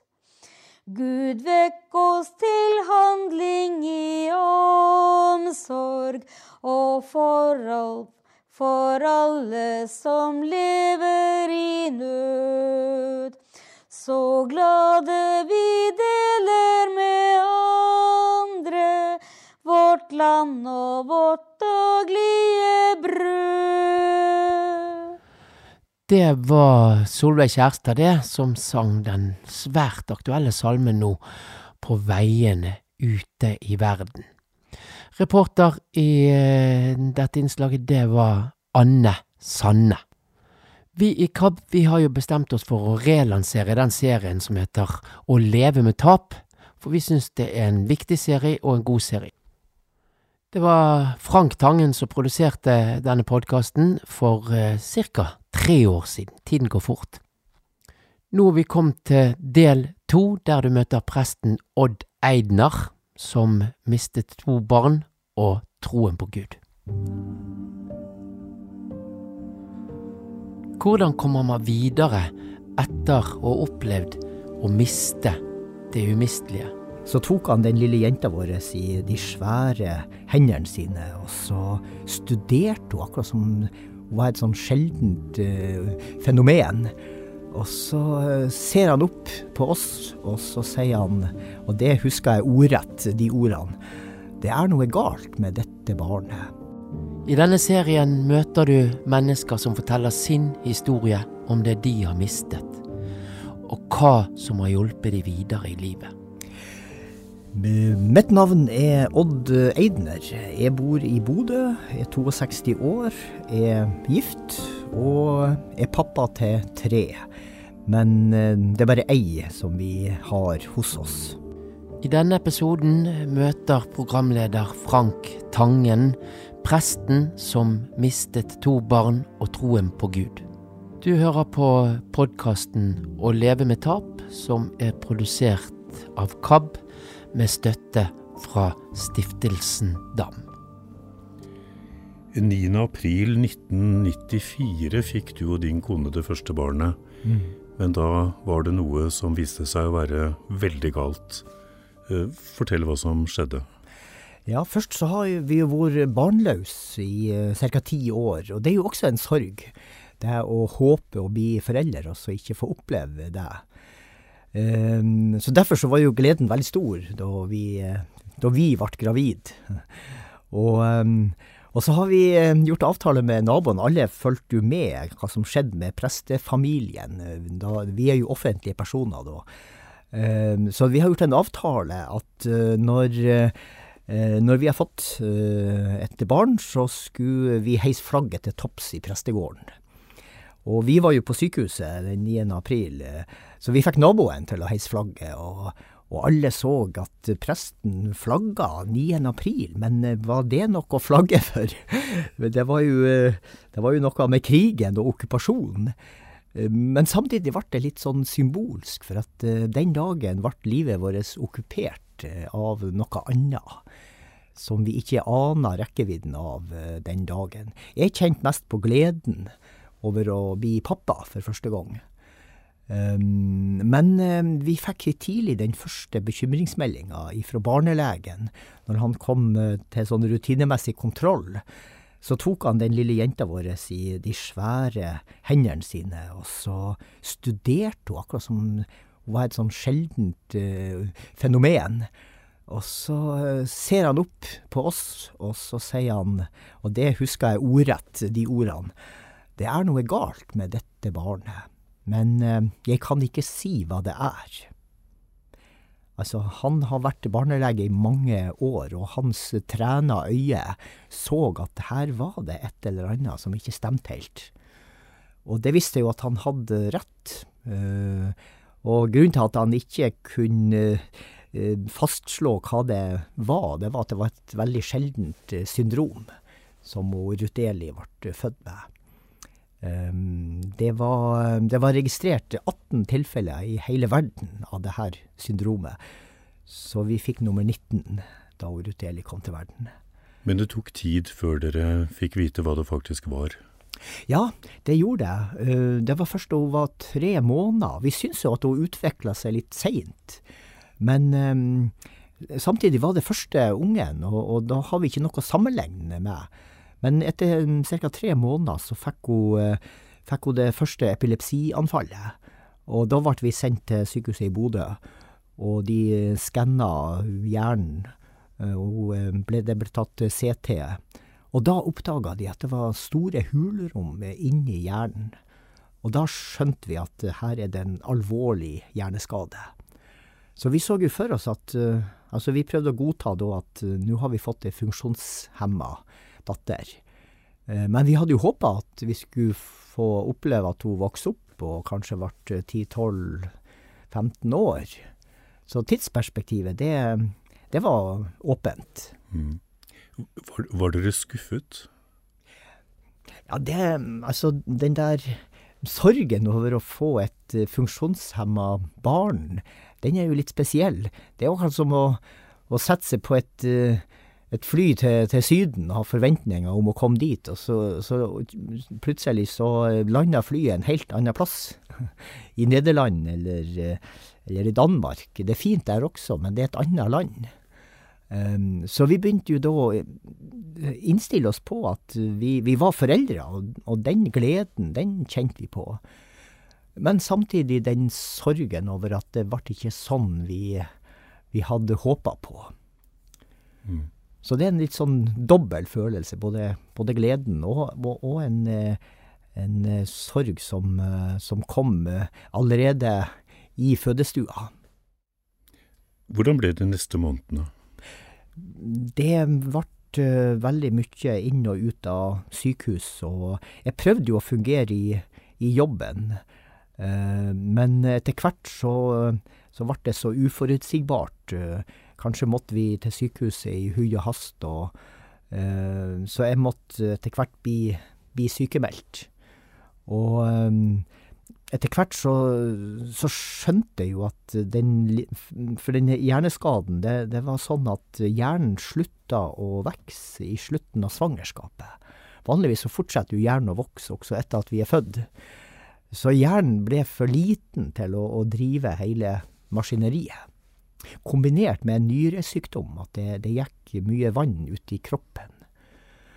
Um, Så etter hvert så ble det vanskelig å, med medisinsk behandling. Um, vi fikk oppleve den, den første jula med hun Ruth Eli. Det ble den første og eneste jula med hun hjemme. Men i romjula så, så måtte vi inn på sykehuset igjen, og på nyttårsaften, når nyttårsrakettene fresa forbi eh, vinduet på, eh, på, på Sandnessjøen sykehus, eh, så, så hørte vi at Ruth Eli skreik når anestesisykepleieren prøvde å sette veneflon for å gi medisinsk behandling. Og det var forferdelig å høre ens egen unge har det ondt. Og da, da sa barnelegen at nå stoppa vi behandlinga. Og det, vi hadde jo hele tida et håp om at, eh, at det kunne finnes en medisin eller et behandlingsopplegg som, eh, som gjorde at hun, om ikke at hun ble frisk, så i hvert fall at hun fikk leve litt lenger. Men, men eh, da, da de fjerna alle slangene og, og alt medisinsk utstyr, så var det akkurat som hun Ruth Eli trakk et lettelsens sukk, og da skjønte vi at det var, det var kanskje egoistisk av oss å prøve å forlenge livet. Eh, Vi må ta hensyn til hva var best for henne. Mm. Og det var, det var nok det å, å la, la døden få komme når, når tida var der. Men på, på hvilket uh, tidspunkt i hele denne prosessen var det dere innså hvor det bar hen? Nei, Eller, det må, var- eller måtte akseptere det? Det var helt på slutten, altså. Jeg tror vi menneskene vi er innebygd med, med, med håp om at, eh, at det, det må bli bedre.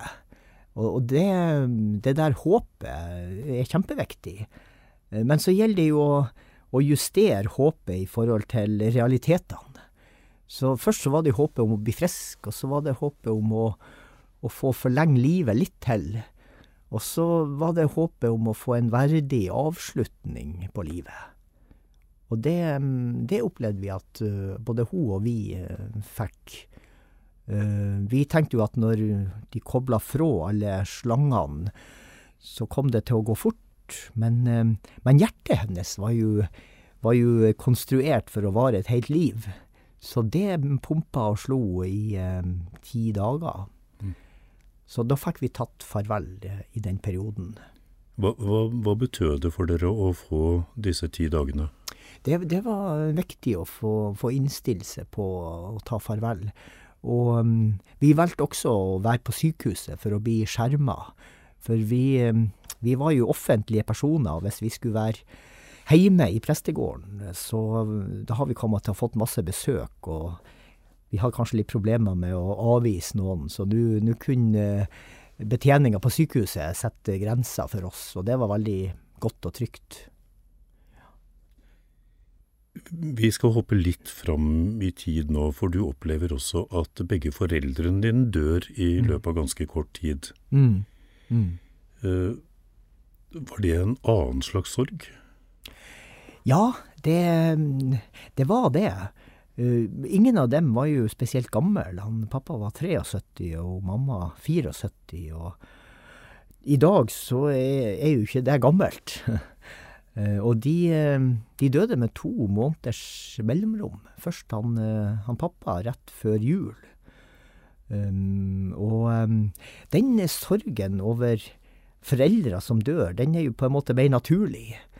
Um, det vet vi at en dag så så er det slutt for de menneskene som har vært der hele tida. Uh, og den sorgen, den er jo retta bakover og, og knytta sammen med mange gode minner og opplevelser. Så det er jo ikke bare jo ikke bare trist, det er jo ikke bare vonde følelser, det er jo også mange gode minner som er knytta til den sorgen. Mens eh, sorgen over å miste et barn, den er mer retta framover mot eh, alt det som vi ikke fikk oppleve. Sorgen over ulevd liv. Og, og den sorgen er jo også mye, mye vanskeligere, for uh, det blir feil rekkefølge. At uh, mamma og en pappa må følge ungen sin i grava. Uh, det, derfor det, så kjente vi jo når i begravelsen til Ruth Eli at vi skulle ha, vi skulle ha bytta plass. Det var vi som skulle ha leder. her. og så skulle hun ha fått levd videre. Mens når foreldrene våre eh, dør, så, så, blir det en mer naturlig prosess. Men jeg tror aldri vi kan forberede oss helt på, på uh, døden. Den kommer, og den spør ikke om det passer. Og i vårt tilfelle så, så ble det jo en dobbel dose med død og sorg, i og med at uh, det var så kort tid mellom uh, at foreldrene mine døde. Mm. Men det ser av og til at um, et ektepar som, som er nært knytta til hverandre og har levd et langt liv, når den ene dør, så, så, kan det i noen tilfeller gå ganske kort tid før den andre følger etter. Mm. Men så får dere jo et barn til. Bjørn Olav blir født? Ja, eller i mellomtida så, så fikk vi jo Hanna Marie. Ja. Eh, som eh, ble født eh, tre år etter hun, hun Ruth Eli. Og, og, da så vi med en gang at hun var frisk. For nå kunne vi sammenligne med, med den sykdomshistoria som vi har opplevd. Og det var en fantastisk opplevelse å bli pappa til, til ei frisk jente. Og da så vi jo hvor fort hun utvikla seg. Da så vi hva som var normalt. Eh, for oss, det normale, det var liksom det syke. Men nå eh, fikk vi justert eh, den normaliteten når vi fikk ei frisk jente. Men, men, hvordan var det å påbegynne det svangerskapet med de erfaringene dere hadde fra før? Nei, det var jo tøft, og, og vi var jo veldig usikre på om, om vi skulle tørre uh, å prøve på nytt. Um, og vi snakka med flere gode venner. og og så var det et vennepar som, eh, som utfordra oss på dette. Eh, tør dere å la være å prøve? altså litt sånn motsatt. Eh, og det er vi veldig glad for, at ikke vi torde å, å la være. Mm. Um, så um, Og da, da, tenkte vi jo at når, når vi har fått uh, en uh, frisk unge, så kanskje det kunne gå bra en gang til. Så da uh, da ble vi foreldre til han Bjørn Olav to år etterpå der igjen. Men det gikk ikke bra? Nei, med det samme han kom til verden, så så vi med en gang at han ligna veldig på storesøster. Det samme liksom ansiktsuttrykket og um, litt lite hode i forhold til resten av kroppen. Um, men uh, det var akkurat det samme med han uh, som med, med storesøster Ruth Eli. At vi, vi fikk ikke tatt en undersøkelse, en CT, av hjernen før han var tre måneder. Da da fikk vi, ble vi innkalt til sykehuset, og, og da um, Når vi da kom tilbake etter å ha Vi ble jaga ut på byen en times tid mens de Det var mens de ennå måtte framkalle røntgenbildene. eh, og når vi kom tilbake, var vi jo veldig spent på resultatet. Eh, jeg så svaret i eh, ansiktet på de to legene som skulle fortelle oss hva de har funnet. da fortalte de så skånsomt som mulig at at han Bjørn Olav hadde den samme hjerneskaden som storesøster. Eh, de hadde tatt vare på bildene eh, fra Ruteli, og når de sammenligna de to, så var de nesten identiske. Det var 18-19 barn i hele verden med ja. dette syndromet, og dere får to av dem. Ja, det stemmer. Så det mm, Og da skjønte jeg jo at det var en sammenheng. At det var Eh, at det var en, en genetisk arvelig eh, betinga hjerneskade. Eh, jeg bruker å sammenligne litt, det er jo kanskje en dramatisk sammenligning, men da det første flyet 11.9. tørna inn i det ene tvillingtårnet, så trodde de fleste at det her var en tilfeldig ulykke. Og så, når det andre flyet et kvarter etterpå tørna inn i det andre Twin Tower, da skjønte vi at her var det en sammenheng. Og det var litt sånn med oss også at uh, Ikke sånn at det var noen ond vilje som lå bak, men at det var en sammenheng. Det var ikke tilfeldig. Mm. Men den, denne gangen går det mye fortere. Ja. Bjørn Olav får ikke leve særlig lenge. Nei, han ble bare fem måneder. Og når vi kom til um, Vi skjønte at det var terminalfasen da fikk vi jo spørsmålet vil dere ha fortsatt medisinsk behandling. Uh, og da hadde vi på en måte fasiten, for vi visste at uh, han kom til å dø.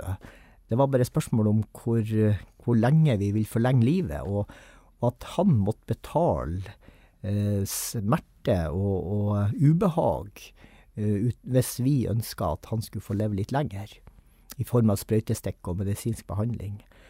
Så da, da, sa vi ganske tydelig at uh, vi tror det er best for han Bjørn Olav at uh, vi ikke har livsforlengende behandling. Var det et ganske enkelt, uh, enkelt, valg å ta? Ja, egentlig så var det det. Og, fordi vi, vi, hadde, vi hadde, sett hvordan det gikk med Ruth Eli. Og vi fikk jo veldig støtte ifra, ifra legene. Det var jo de som måtte ta den endelige avgjørelsen. Men de ville spørre oss først, og det, det syns jeg var fint. Så da fikk vi være hjemme og uh, oppretta en filial under barneavdelinga i Bodø. Um, og uh, Hanna Marie fikk være i sitt uh, nærmiljø og leve mest mulig normalt.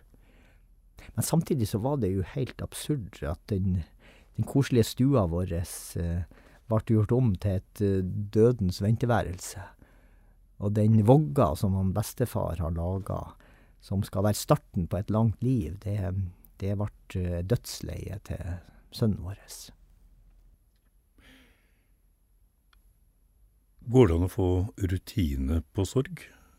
Eller det jeg spør om er, var det en hjelp for dere å ha opplevd et lignende tap tidligere? Mm. Ja, jeg tenkte vel litt sånn. Altså, jeg husker jeg, når jeg så hvilken vei det gikk, så, så, kjente jeg bare at jeg protesterte heftig. Jeg vil ikke inn i det sorgens rom igjen, for det var så smertefullt. Men vi hadde jo ikke noe valg. Så tenkte jeg at når vi først må oppleve det på nytt, så, så er det kanskje enklere andre gang, for da, vet jeg hva det handler om. Men ehm, så feil kan man ta, altså. Eh, for det ble en helt annen sorg. Det tror jeg handla om flere ting.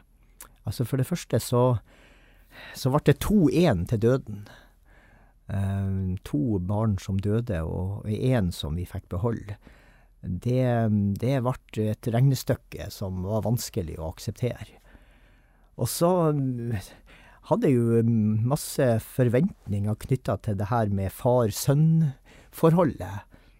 Um, og i tillegg det som kanskje utgjorde den største forskjellen, det var at i denne sorgen over at sønnen vår døde, så ble også Gud borte i det mørket. Og det var noe jeg ikke var forberedt på.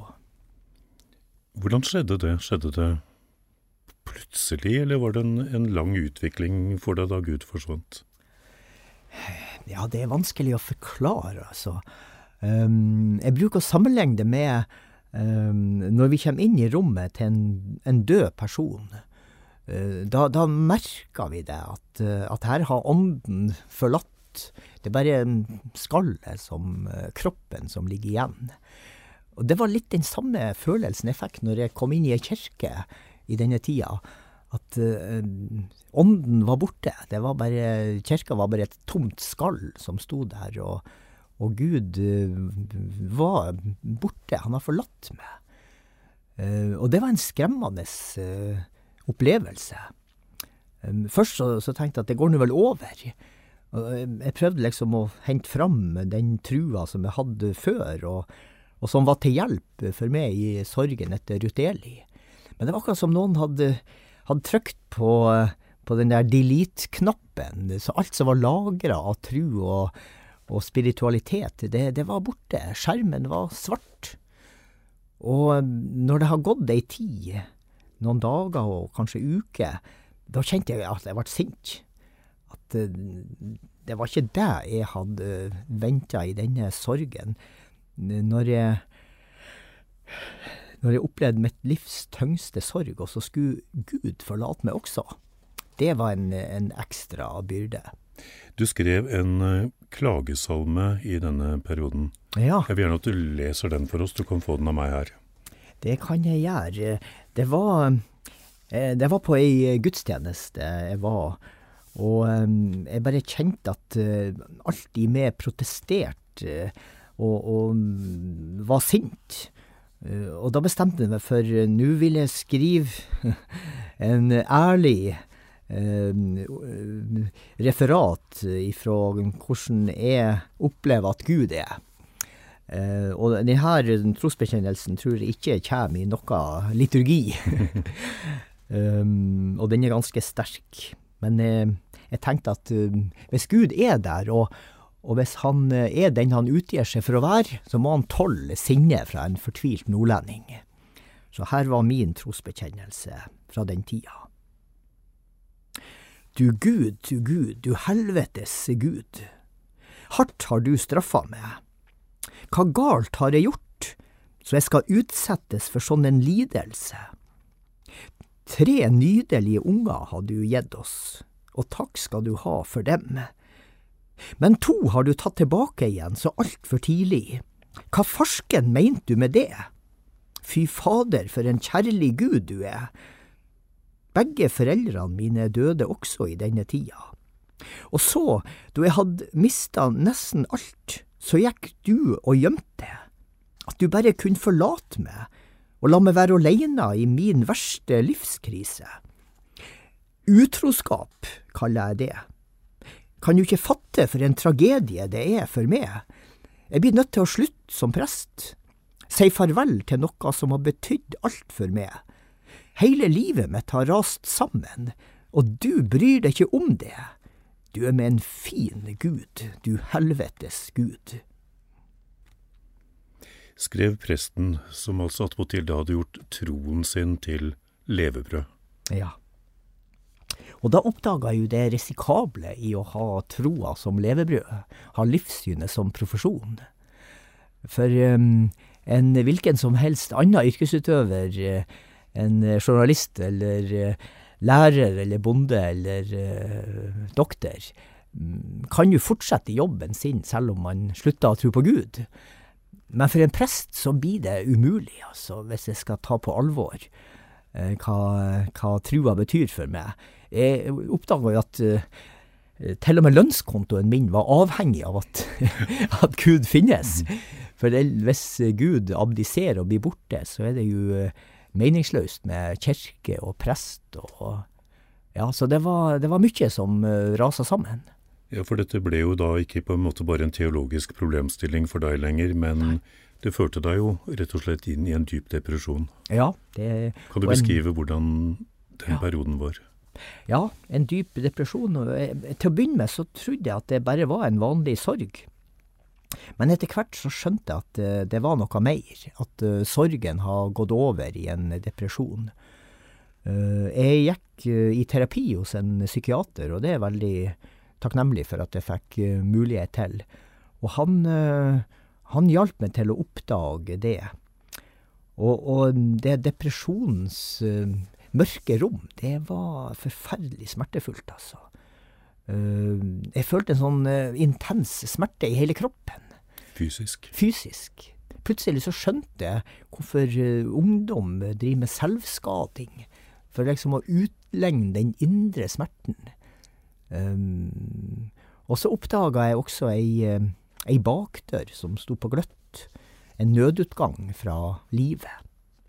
Den hadde jeg ikke sett før eller tenkt på, men, men den tanken slo meg plutselig. Hva er vitsen med å, med å sitte her i dette svarte rommet, og alt er meningsløst, og jeg følte meg som en dritt, når eh, jeg kan flykte ifra livet?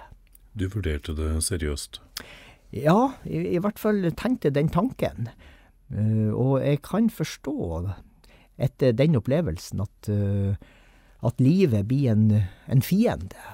Og da blir døden en venn, tanken på døden. Og, og selvmordet kan være eh, ganske, ganske nært. Men eh, heldigvis så, så var det sterke, sterke bånd som knytta meg fast eh, til livet. Eh, Jeg greide jo å tenke såpass klart at det er noen som har bruk for meg. Vi, vi var en familie på tre, og de trengte meg. Og um, jeg hadde jo mange gode venner også som prøvde å, å holde kontakt med meg. Men i sorgen så blir man så Hva skal jeg si uh, nærsynt. Uh, og ser bare seg sjøl og sin egen smerte. Uh, det er noe med, med sorgens og depresjonens vesen.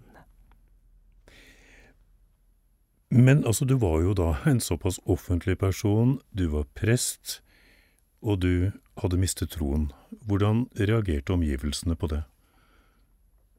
Kolleger, menighet? Mm. Ja, eh, og jeg var jo ble også mm, overtalt til å, å stille opp i et uh, intervju med, med lokalavisa, uh, der jeg sto fram Det var rett før jul, og innrømte ærlig at, at jeg grua meg til jul, og at jeg måtte slutte som prest fordi jeg har mista trua på Gud. Og da um, det, det var noe rart som skjedde. Um, det var, det var flere som tok kontakt og sa at det er greit at altså, du du skal få lov å, å slutte å tro, men, men, samtidig var det ikke greit, for du må tro på oss. Vi kan få lov til å tvile, men du som prest, du må ikke tvile. Du må tro for oss. Og da skjønte jeg jo litt av at, at presten er en viktig symbolbærer for mange andre. Det verste, det var nok når kollegaer prøvde å, å oppmuntre meg at ja, men det her går over, og og det, Gud kommer nok tilbake. Det, det ble litt for lettvint. Så det som betydde noe for meg da, det var jo at det var noen som orket å, å høre på meg når jeg fortalte hvordan jeg hadde det, og som orka å dele smerten som jeg opplevde. Men i den tiden var du sykemeldt, og du var ikke i jobb? Mm, ja. Nei, og jeg jobba ikke som menighetsprest. Jeg, jeg jobba som rådgiver ved bispedømmekontoret som saksbehandler med personalspørsmål. Der var det lettere å ja, da, være en jeg, tviler? Jeg hadde ikke andakt eller gudstjeneste. Men det er klart, i nærheten av biskopen så lukta det jo kristenmannsblod. um, så det var Men jeg er veldig takknemlig for min arbeidsgiver. De, de lot meg få lov til å ha både tvil og og, og vantru og være i min prosess. Så jeg ble ikke, jeg ble ikke tvungen til å, å fornekte den, den eh, opplevelsen av livet som jeg hadde. Uh, så det er jeg veldig takknemlig for i ettertid. Det dukker opp en glassengel. Ja. Den eh, oppdaga jeg plutselig en dag jeg kom på kontoret. Jeg skulle prøve å, å jobbe litt. Der lå det en, eh, en glassengel. Um, ikke noe lapp som fulgte meg, ikke noe forklaring på uh, historia bak, men, men uh, seinere så har jeg fått hørt historier. Det der glasset på den første glassengelen, det stammer fra et vindu i Bodø domkirke. Eh, og så en eh, morgen bymisjonspresten kom gående forbi, så oppdaga hun at det var noen som hadde kasta en stein mot vinduet. Så det lå knust glass på fortauet. Så hun eh, tok jo med en gang og samla opp de her knuste glassbitene og skulle til å, å, kaste dem. Men så var det en tanke som slo henne, litt sånn Espen Askeladd, at, at det her kan kanskje brukes til noe. Eh, og så tok hun de knuste glassbitene ned til Bymisjonssenteret. Og det her var um, rett før jul, så de skulle ha juleverksted. Og så spredde hun glassbitene utover over bordet, og så, og så sier hun hva vi kan bruke det her til. Da var det en av guttene som, uh, som foreslo kanskje, kanskje vi kan lage en glassengel. Og det var en sånn glassengel som jeg fikk. Laga av uh, glass som man kan stikke seg på. Så det her jeg liker ikke sånne der sentimentale søndagsskoleengler. Det blir litt for klissete. Men det her var en, eh, en engel som eh, består av spisse glassbiter som man kan skjære seg til blods på. Og den glassengelen, den er blitt et viktig symbol for meg ifra den dagen jeg fikk den.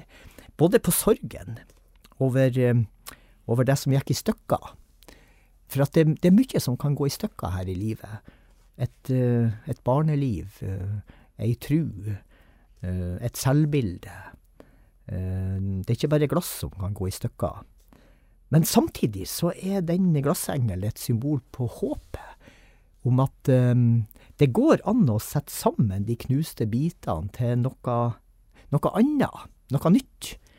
Uh, det gikk ikke an å sette dem sammen til et glassvindu igjen. Men en glassengel er jo kanskje enda finere. Og det er et viktig eh, symbol, altså den glassengelen, at, eh, at det som har gått i stykker i livet, det kan settes sammen til et annet liv. Det blir aldri det samme, men det kan bli et godt liv. Denne historien utspilte seg jo for en del år tilbake, mm. men i innledningen, eh, når vi begynte å snakke sammen nå, så sa du at du fortsatt er prest. Mm. Kan du ikke bare fortelle oss hva, hva, skjedde? Fikk du troen tilbake, eller har du fått en annen slags tro? Ja, om det var jeg som fikk trua tilbake, eller om Gud kom tilbake, eller uh, hva som har skjedd, det, det, er ikke jeg helt sikker på. Men i hvert fall er det ei, ei anna tru. Altså, det begynte å komme lys på den svarte skjermen igjen. Uh, og, men det som da kom fram på den skjermen, det var ikke helt det samme som det som var der en gang. Uh, det handler jo om at, uh, at den erfaringa av en gud som blir borte, var, det var en, en skremmende og, og, dyrekjøpt erfaring. Jeg, jeg, hadde jo et ønske om å både fortsette å tro på Gud og, og gå tilbake til prestetjenester, for det, det opplevde jeg veldig meningsfullt og trivdes godt med. Um, og i denne prosessen så er det kanskje Gud blitt både, både litt større og litt mindre. Um, hvis jeg skal prøve å forklare det. Um, altså, det er jo det her store spørsmålet den kjærlige og allmektige Gud. Hvordan går det an å få det regnestykket til å gå opp? Det går jo ikke an. Uh, men da vil jeg heller ha en uh, en kjærlig Gud som, eh, som vil, men ikke kan hjelpe, enn en eh, allmektig Gud som ikke vil hjelpe, hvis du greier å følge med i den eh, filosofien. Um, og da ble det født det her uttrykket 'den avmektige Gud', som lider med de som har det vondt. Uh, jeg opplevde at Gud uh, på en måte kom ned fra himmelen og, og var uh, i min nærhet. Han ble på en måte mer menneskelig og mindre Gud. Og samtidig så opplevde jeg litt som han Petter Dass skriver om, at Gud er Gud om alle mann var deprimerte eller sørgende, eller til og med døde. Altså, han er så stor at vi kan ikke fatte han, eh, uansett eh, alle forsøk på det. Så mitt gudsbilde, det har forandres. Um, og jeg tar, jeg tar kanskje mest utgangspunkt i det levde liv, og tenker at Gud er der, i det smertefulle og det det levde liv. Dette sorgrommet, er det fortsatt åpent, eller har du greid å lukke døren til det? Det er fortsatt åpent, og um, jeg bruker jo det her bildet med, med at vi menneskene er som hus med mange rom. Og, og, sorgens rom, det er et veldig viktig rom. Og det oppdaga vi jo første gang at, uh, at vi mista noen.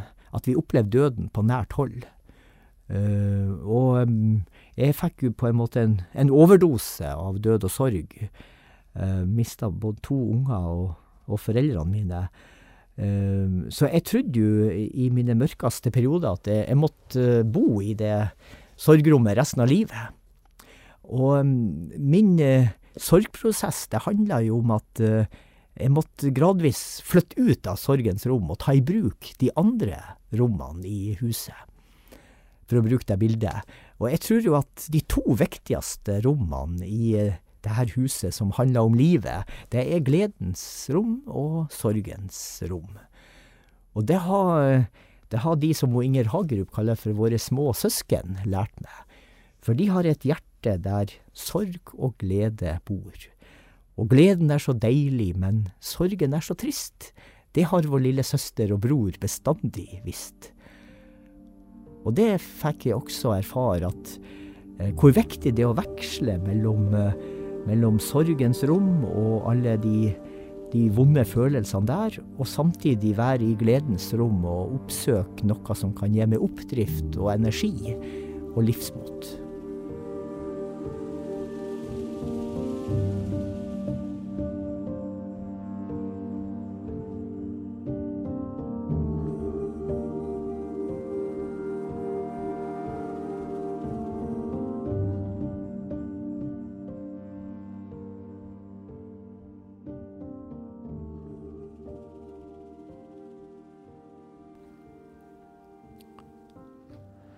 Dette var Odd Eidner som ble intervjuet av eh, Frank Tangen i del to av podkastserien som heter Å leve med tap.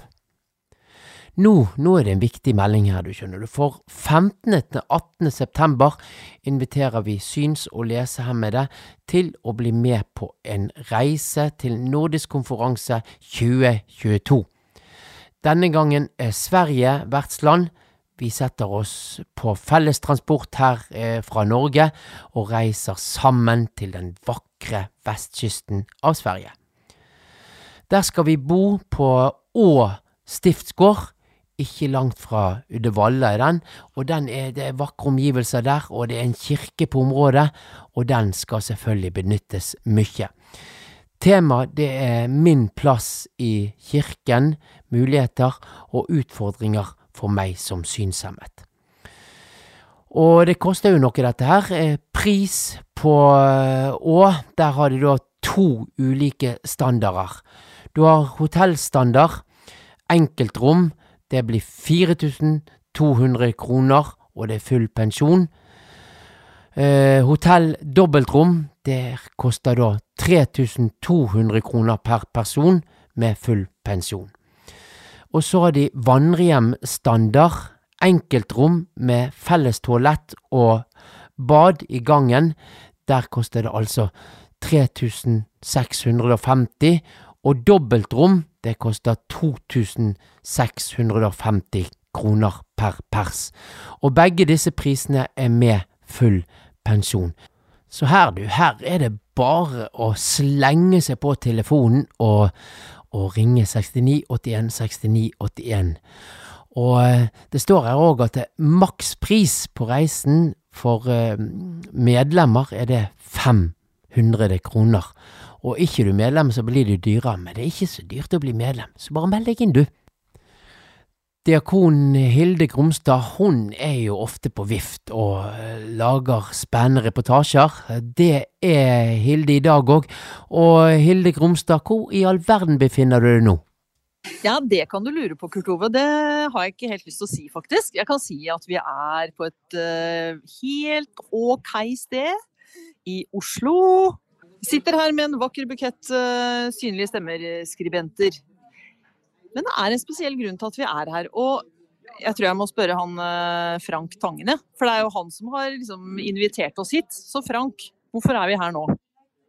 Nei, nå markerer vi med de fire som har vært eh, skribenter i Synlige stemmer i den siste sesongen. At vi avslutter sesongen. Og så markerer vi vel også at Synlige stemmer tar en pause. Nå skal vi finne på litt andre ting en eh, periode. Og så etter hvert så er det kanskje en del av de over 200 artiklene i, som nå ligger på lager fra Synlige stemmer, som dukker opp i andre sammenhenger. Så det er grunnen til at vi tok en enkel lunsj her i dag. Ja, så det vil altså si at disse synlige stemmene de kommer jo ikke til å forsvinne. De kan bli en bok. Noen foreslo kanskje en tegneserie. Det tror jeg ikke. jeg, jeg, må jo også si at det betyr jo ikke at vi ber disse folka slutte å skrive. Altså, jeg mener, Dukker det opp en idé, så tar vi den altså, og publiserer det. For i de fire her og alle de andre, hvor mange ble vi enige om hadde vært med? Tolv som har vært med til sammen i dette prosjektet gjennom nesten seks år. Så er det mange talenter som vi vil holde kontakten med. Ja, ja Så dette er ikke noe gravøl? Det, vi bare går inn ved en, en, liten pause. Men Jeg sitter jo her med the, the grand old lady i forhold til uh, synlige stemmer. Hvem kan det være? Kvinnen rett overfor meg her, kan du si hva du heter? Det er jo Heidi Halvorsen. Hvor lenge har du vært med, Heidi?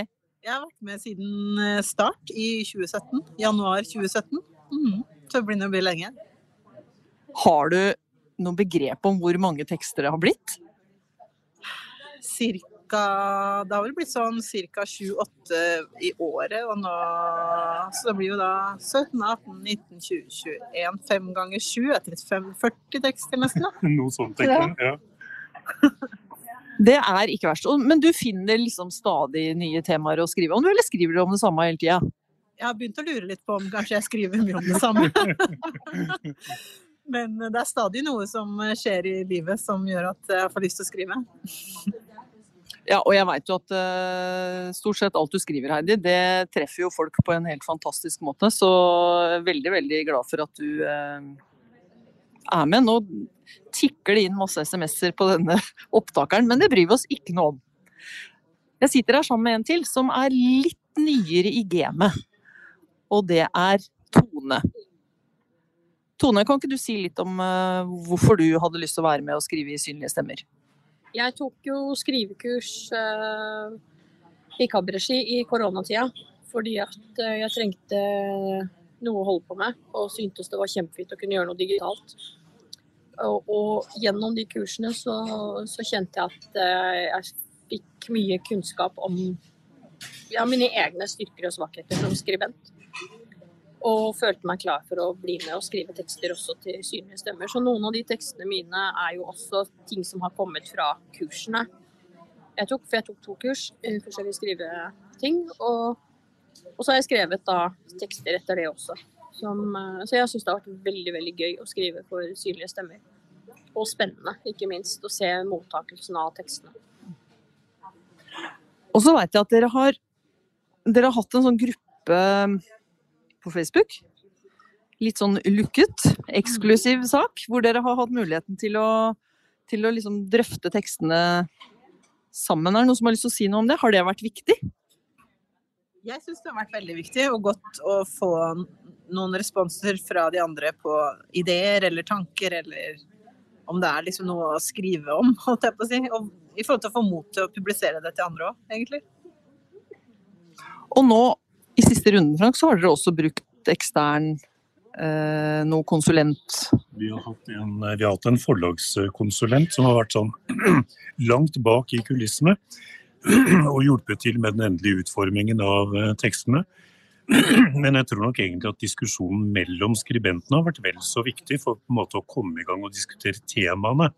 Og så er det kanskje mer på sluttføringen at det eh, har vært greit å ha inn en eksternt eh, blikk, da, for å si det sånn. Jeg er ganske sikker på at det kommer flere synlige stemmertekster, for de fleste tekstene handler jo om livet, og hva man kan møte av både utfordringer og gleder og sorger, og det, det tar jo ikke ferie. Eh, for oss eh, kanskje en liten, en liten pause, bare. Men Oi, nå kommer det flere. Det gikk en gaffel i gulvet her. det var ikke oss. Hvis man har lyst til å lese eller høre disse tekstene etter å ha hørt på dette, Frank, hva gjør man da? Den enkleste måten foreløpig er eh, rett og slett å gå inn på nettsidene til KAB, finne søkefunksjonen og søke på synlige stemmer. Da kommer alt som ligger på nettsidene opp. Eller man kan søke på den skribenten man har lyst til å lese. Altså Har man lyst til å lese alt Tone har skrevet, f.eks., så søk på Tone Mathisen. Så får du hennes uh, tekster. Så Det er den enkleste måten foreløpig, og så får vi se hvordan vi gjør det mer tilgjengelig nå etter hvert. Der sier jeg meg enig med Frank Tangen. Jeg altså Besøk nettsidene våre. Der er det spennende ting. Artikler, podkaster og synlige stemmer som vi snakket om nå. Så ta turen innom kab.no. Eh, Hilde Gromstad, altså, diakon, var reporter i eh, dette innslaget. Nå er reisen snart eh, over for denne gangen på denne KAB-podden, men vi skal ta avslutte med tanker om tro. Og denne gangen er det Magne Bjørndal som leverer den. Jeg gjør dette opptaket i slutten av april 2022. Det er tida etter påske, og ei fortelling fra Johannesevangeliet har gitt gjenklang i meg dette året. Den står i kapittel 20 fra vers 11 og er slik.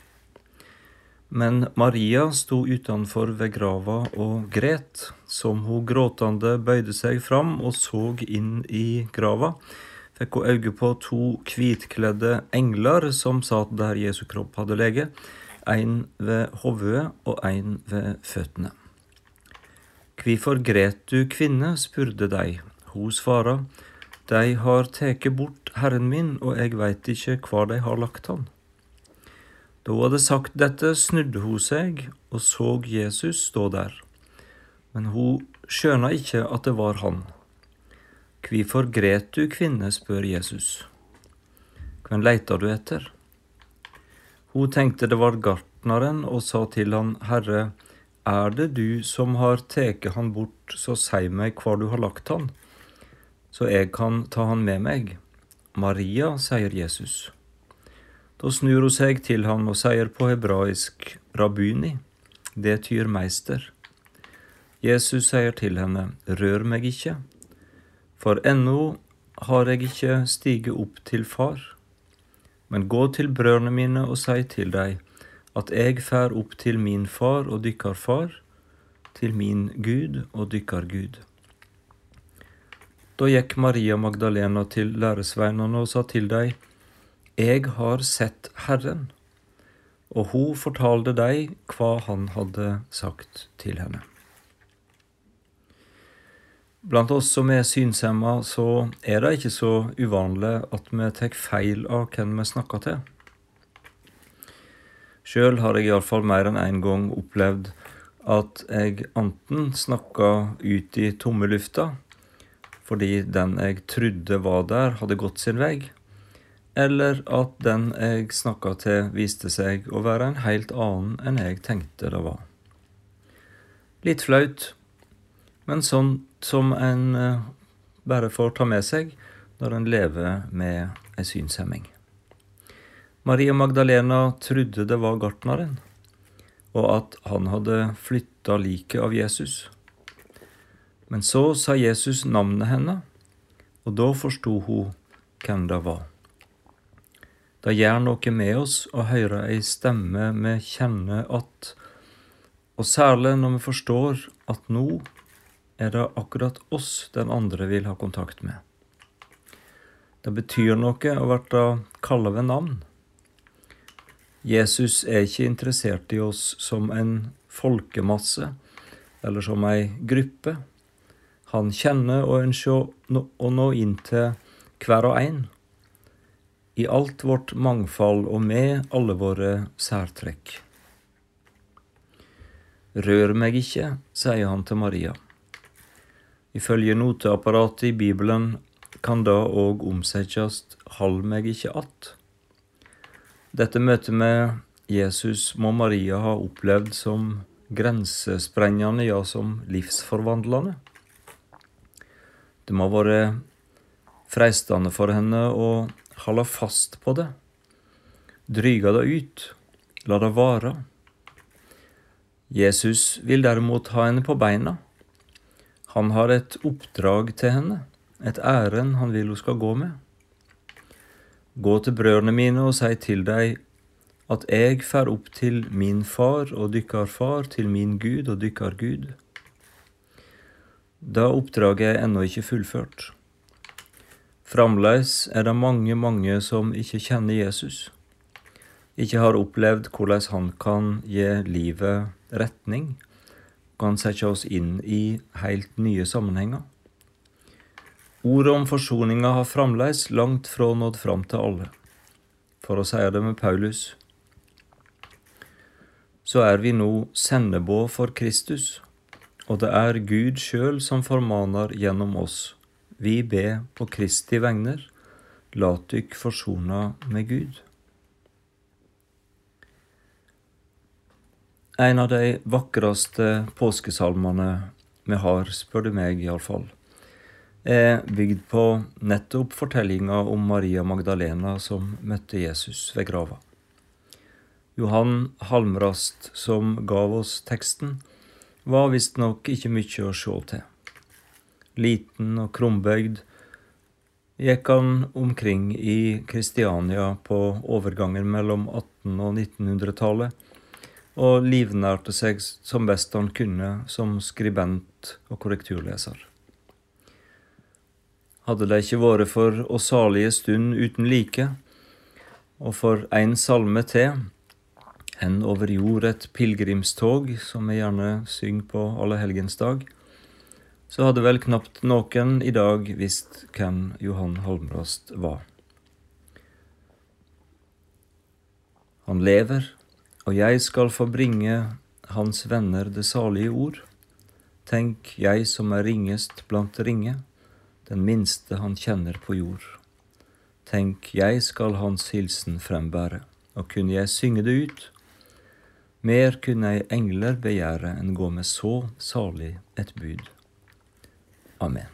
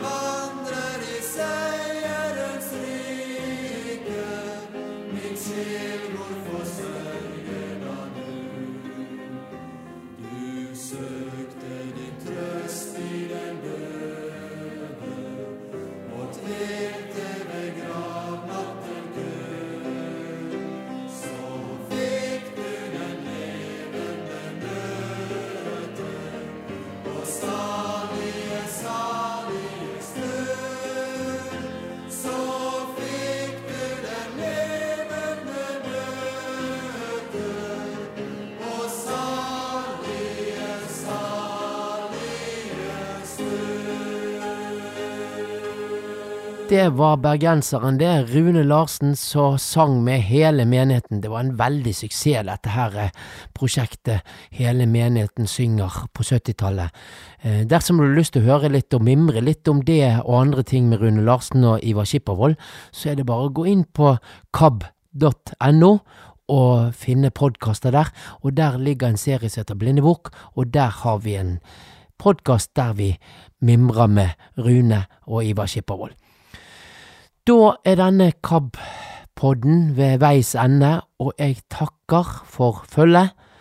Og nå i etterkant, når jeg er ferdig nå, så er det faktisk eh, mer å høre på, altså. For vi i KAB har jo så mange spennende ting vi produserer, av blader og, og eh, lydbøker, så her blir det smakebiter for det vi har å by på. Ha en riktig god vår videre fram til neste gang vi høres på neste KAB-pod.